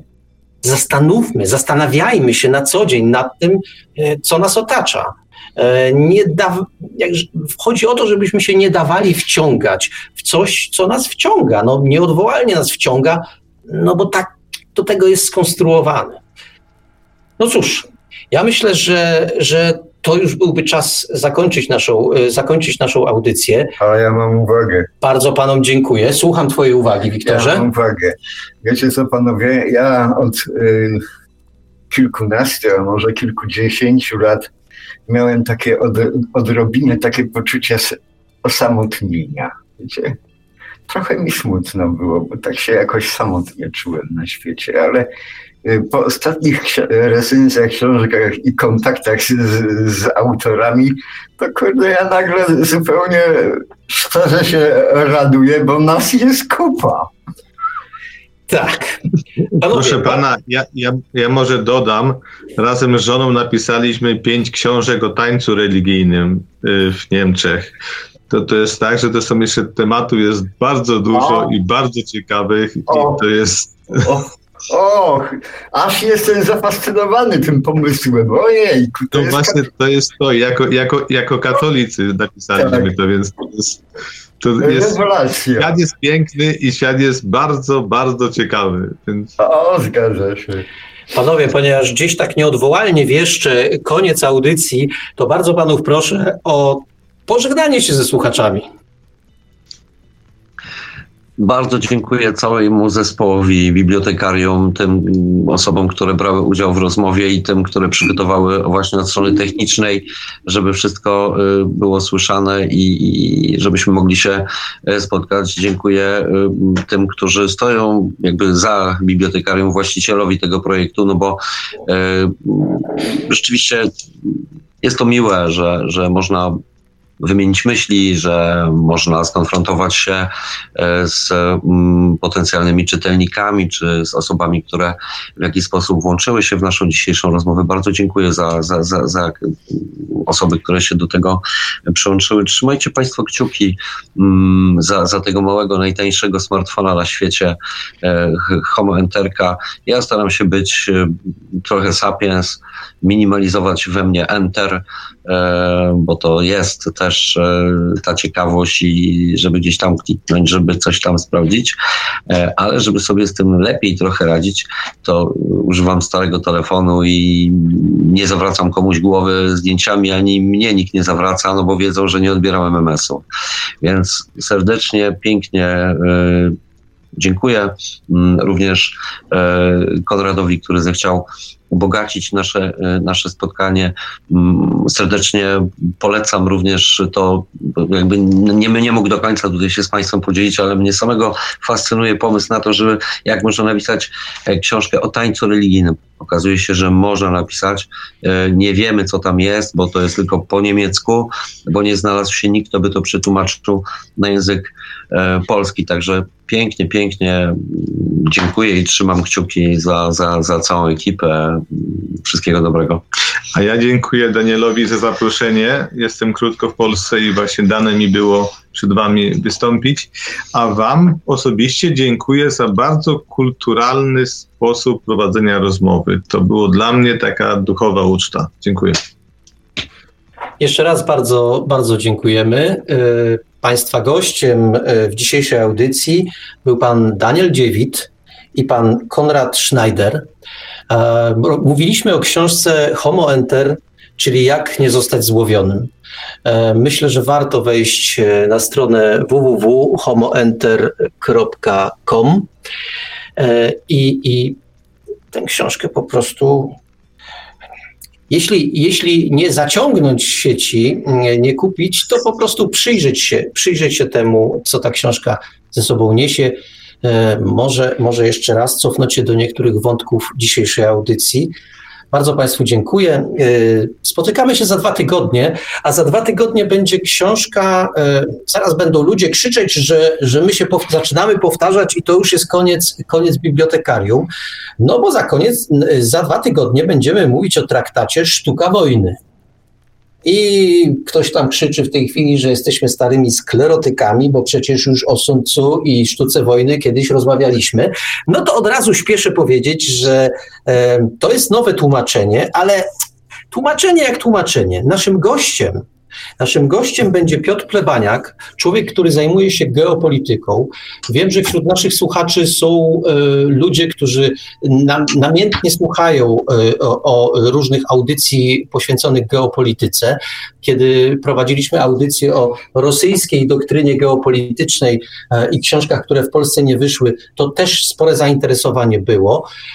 Co ciekawe, ta audycja za dwa tygodnie będzie prowadzona z Tajwanu. Przenosimy się na drugą półkulę, będziemy rozmawiać z człowiekiem, znaczy dla nas będzie wczesny wieczór, dla niego będzie środek nocy, ale to nie przeszkodzi nam porozmawiać y, nie tylko o chińskiej sztuce wojny, a no to powiedzmy, to powiedzmy jest, nie wiem, dla niektórych może mniej ciekawe, ale przede wszystkim będziemy mówić o tym, że ta, to starożytne dzieło, ta sztuka wojny ma kolosalne przełożenie na to, co dzisiaj się dzieje na świecie. No i to myślę będzie najciekawsze w tej audycji za dwa tygodnie. Zapraszam bardzo serdecznie. Naszym gościem będzie mm, z okolic Tajpej e, Piotr Plebaniak. To za dwa tygodnie, a za tydzień oczywiście ABW. Wracamy do, wracamy do ABW już bez wakacji, tylko, tylko takiego standardowego, standardowego, e, standardowej audycji Antologia Bibliotekarium warsztaty. I jeszcze Wiktor na zupełny koniec. Ja jestem akurat w trakcie lektury tej, e, tego, e, tej książki Traktat Sztuka Wojny i muszę wam powiedzieć, że e, jestem zafascynowany. No cóż, w takim razie jeszcze raz dobrej nocy wszystkim, wszystkiego dobrego, do usłyszenia za tydzień i za dwa tygodnie. Dobrej nocy. Dobranoc. Dobranoc. A mówili to słowa do Państwa jak zawsze gospodarze, bibliotekarium Marek Żelkowski i Wiktor Żywiekiewicz. Byli z nami dzisiaj również goście, pan Daniel Dziewit, autor książki Homo Enter, czyli Jak nie zostać złowionym oraz Konrad Schneider, który bardzo w tworzeniu tej książki pomógł. Audycję jak zawsze od strony technicznej obsługiwał Marek Sankiewelios, Radio Paranormalium, Paranormalny Głos w Twoim domu. Dziękujemy za uwagę również słuchaczom obok radia. Dobranoc i do usłyszenia ponownie w kolejnych naszych audycjach. Słyszymy się ponownie już za tydzień w ABW, czyli Antologia Bibliotekarium Warsztaty oraz ponownie w tym normalnym bibliotekarium na żywo już za dwa tygodnie. Produkcja i realizacja Radio Paranormalium www.paranormalium.pl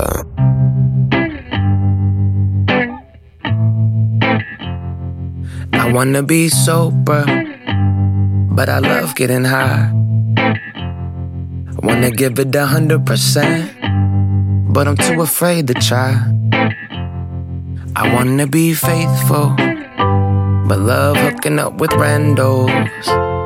I wanna live by the law, but still think like a vandal.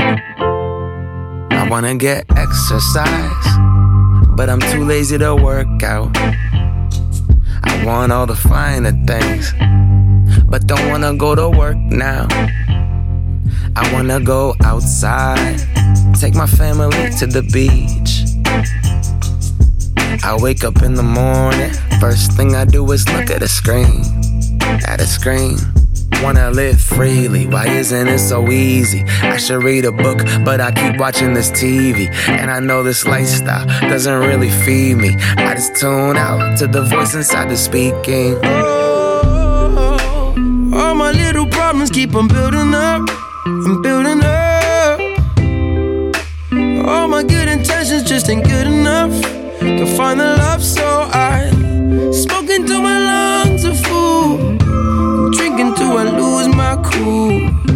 Apologies, my middle name, and one day I will change, but I'm okay with who I am today. I'm okay with who I who I am today. I want world peace, but I wanna watch World Star. I know that I should stay home. I still wanna kick it where the girls are. I wanna be a feminist, but I'm still watching porno. I wanna eat healthy, but I'ma eat this DiGiorno's. Hey, we live on social media, read other people's thoughts, tweet about justice, but don't show up to the march. I think about the earth and I think about the eco. What am I willing to sacrifice at the expense of my ego? Wanna live freely, why isn't it so easy? I should read a book, but I keep watching this TV. And I know this lifestyle doesn't really feed me. I just tune out to the voice inside the speaking. Oh, all my little problems keep on building up. I'm building up. All my good intentions just ain't good enough.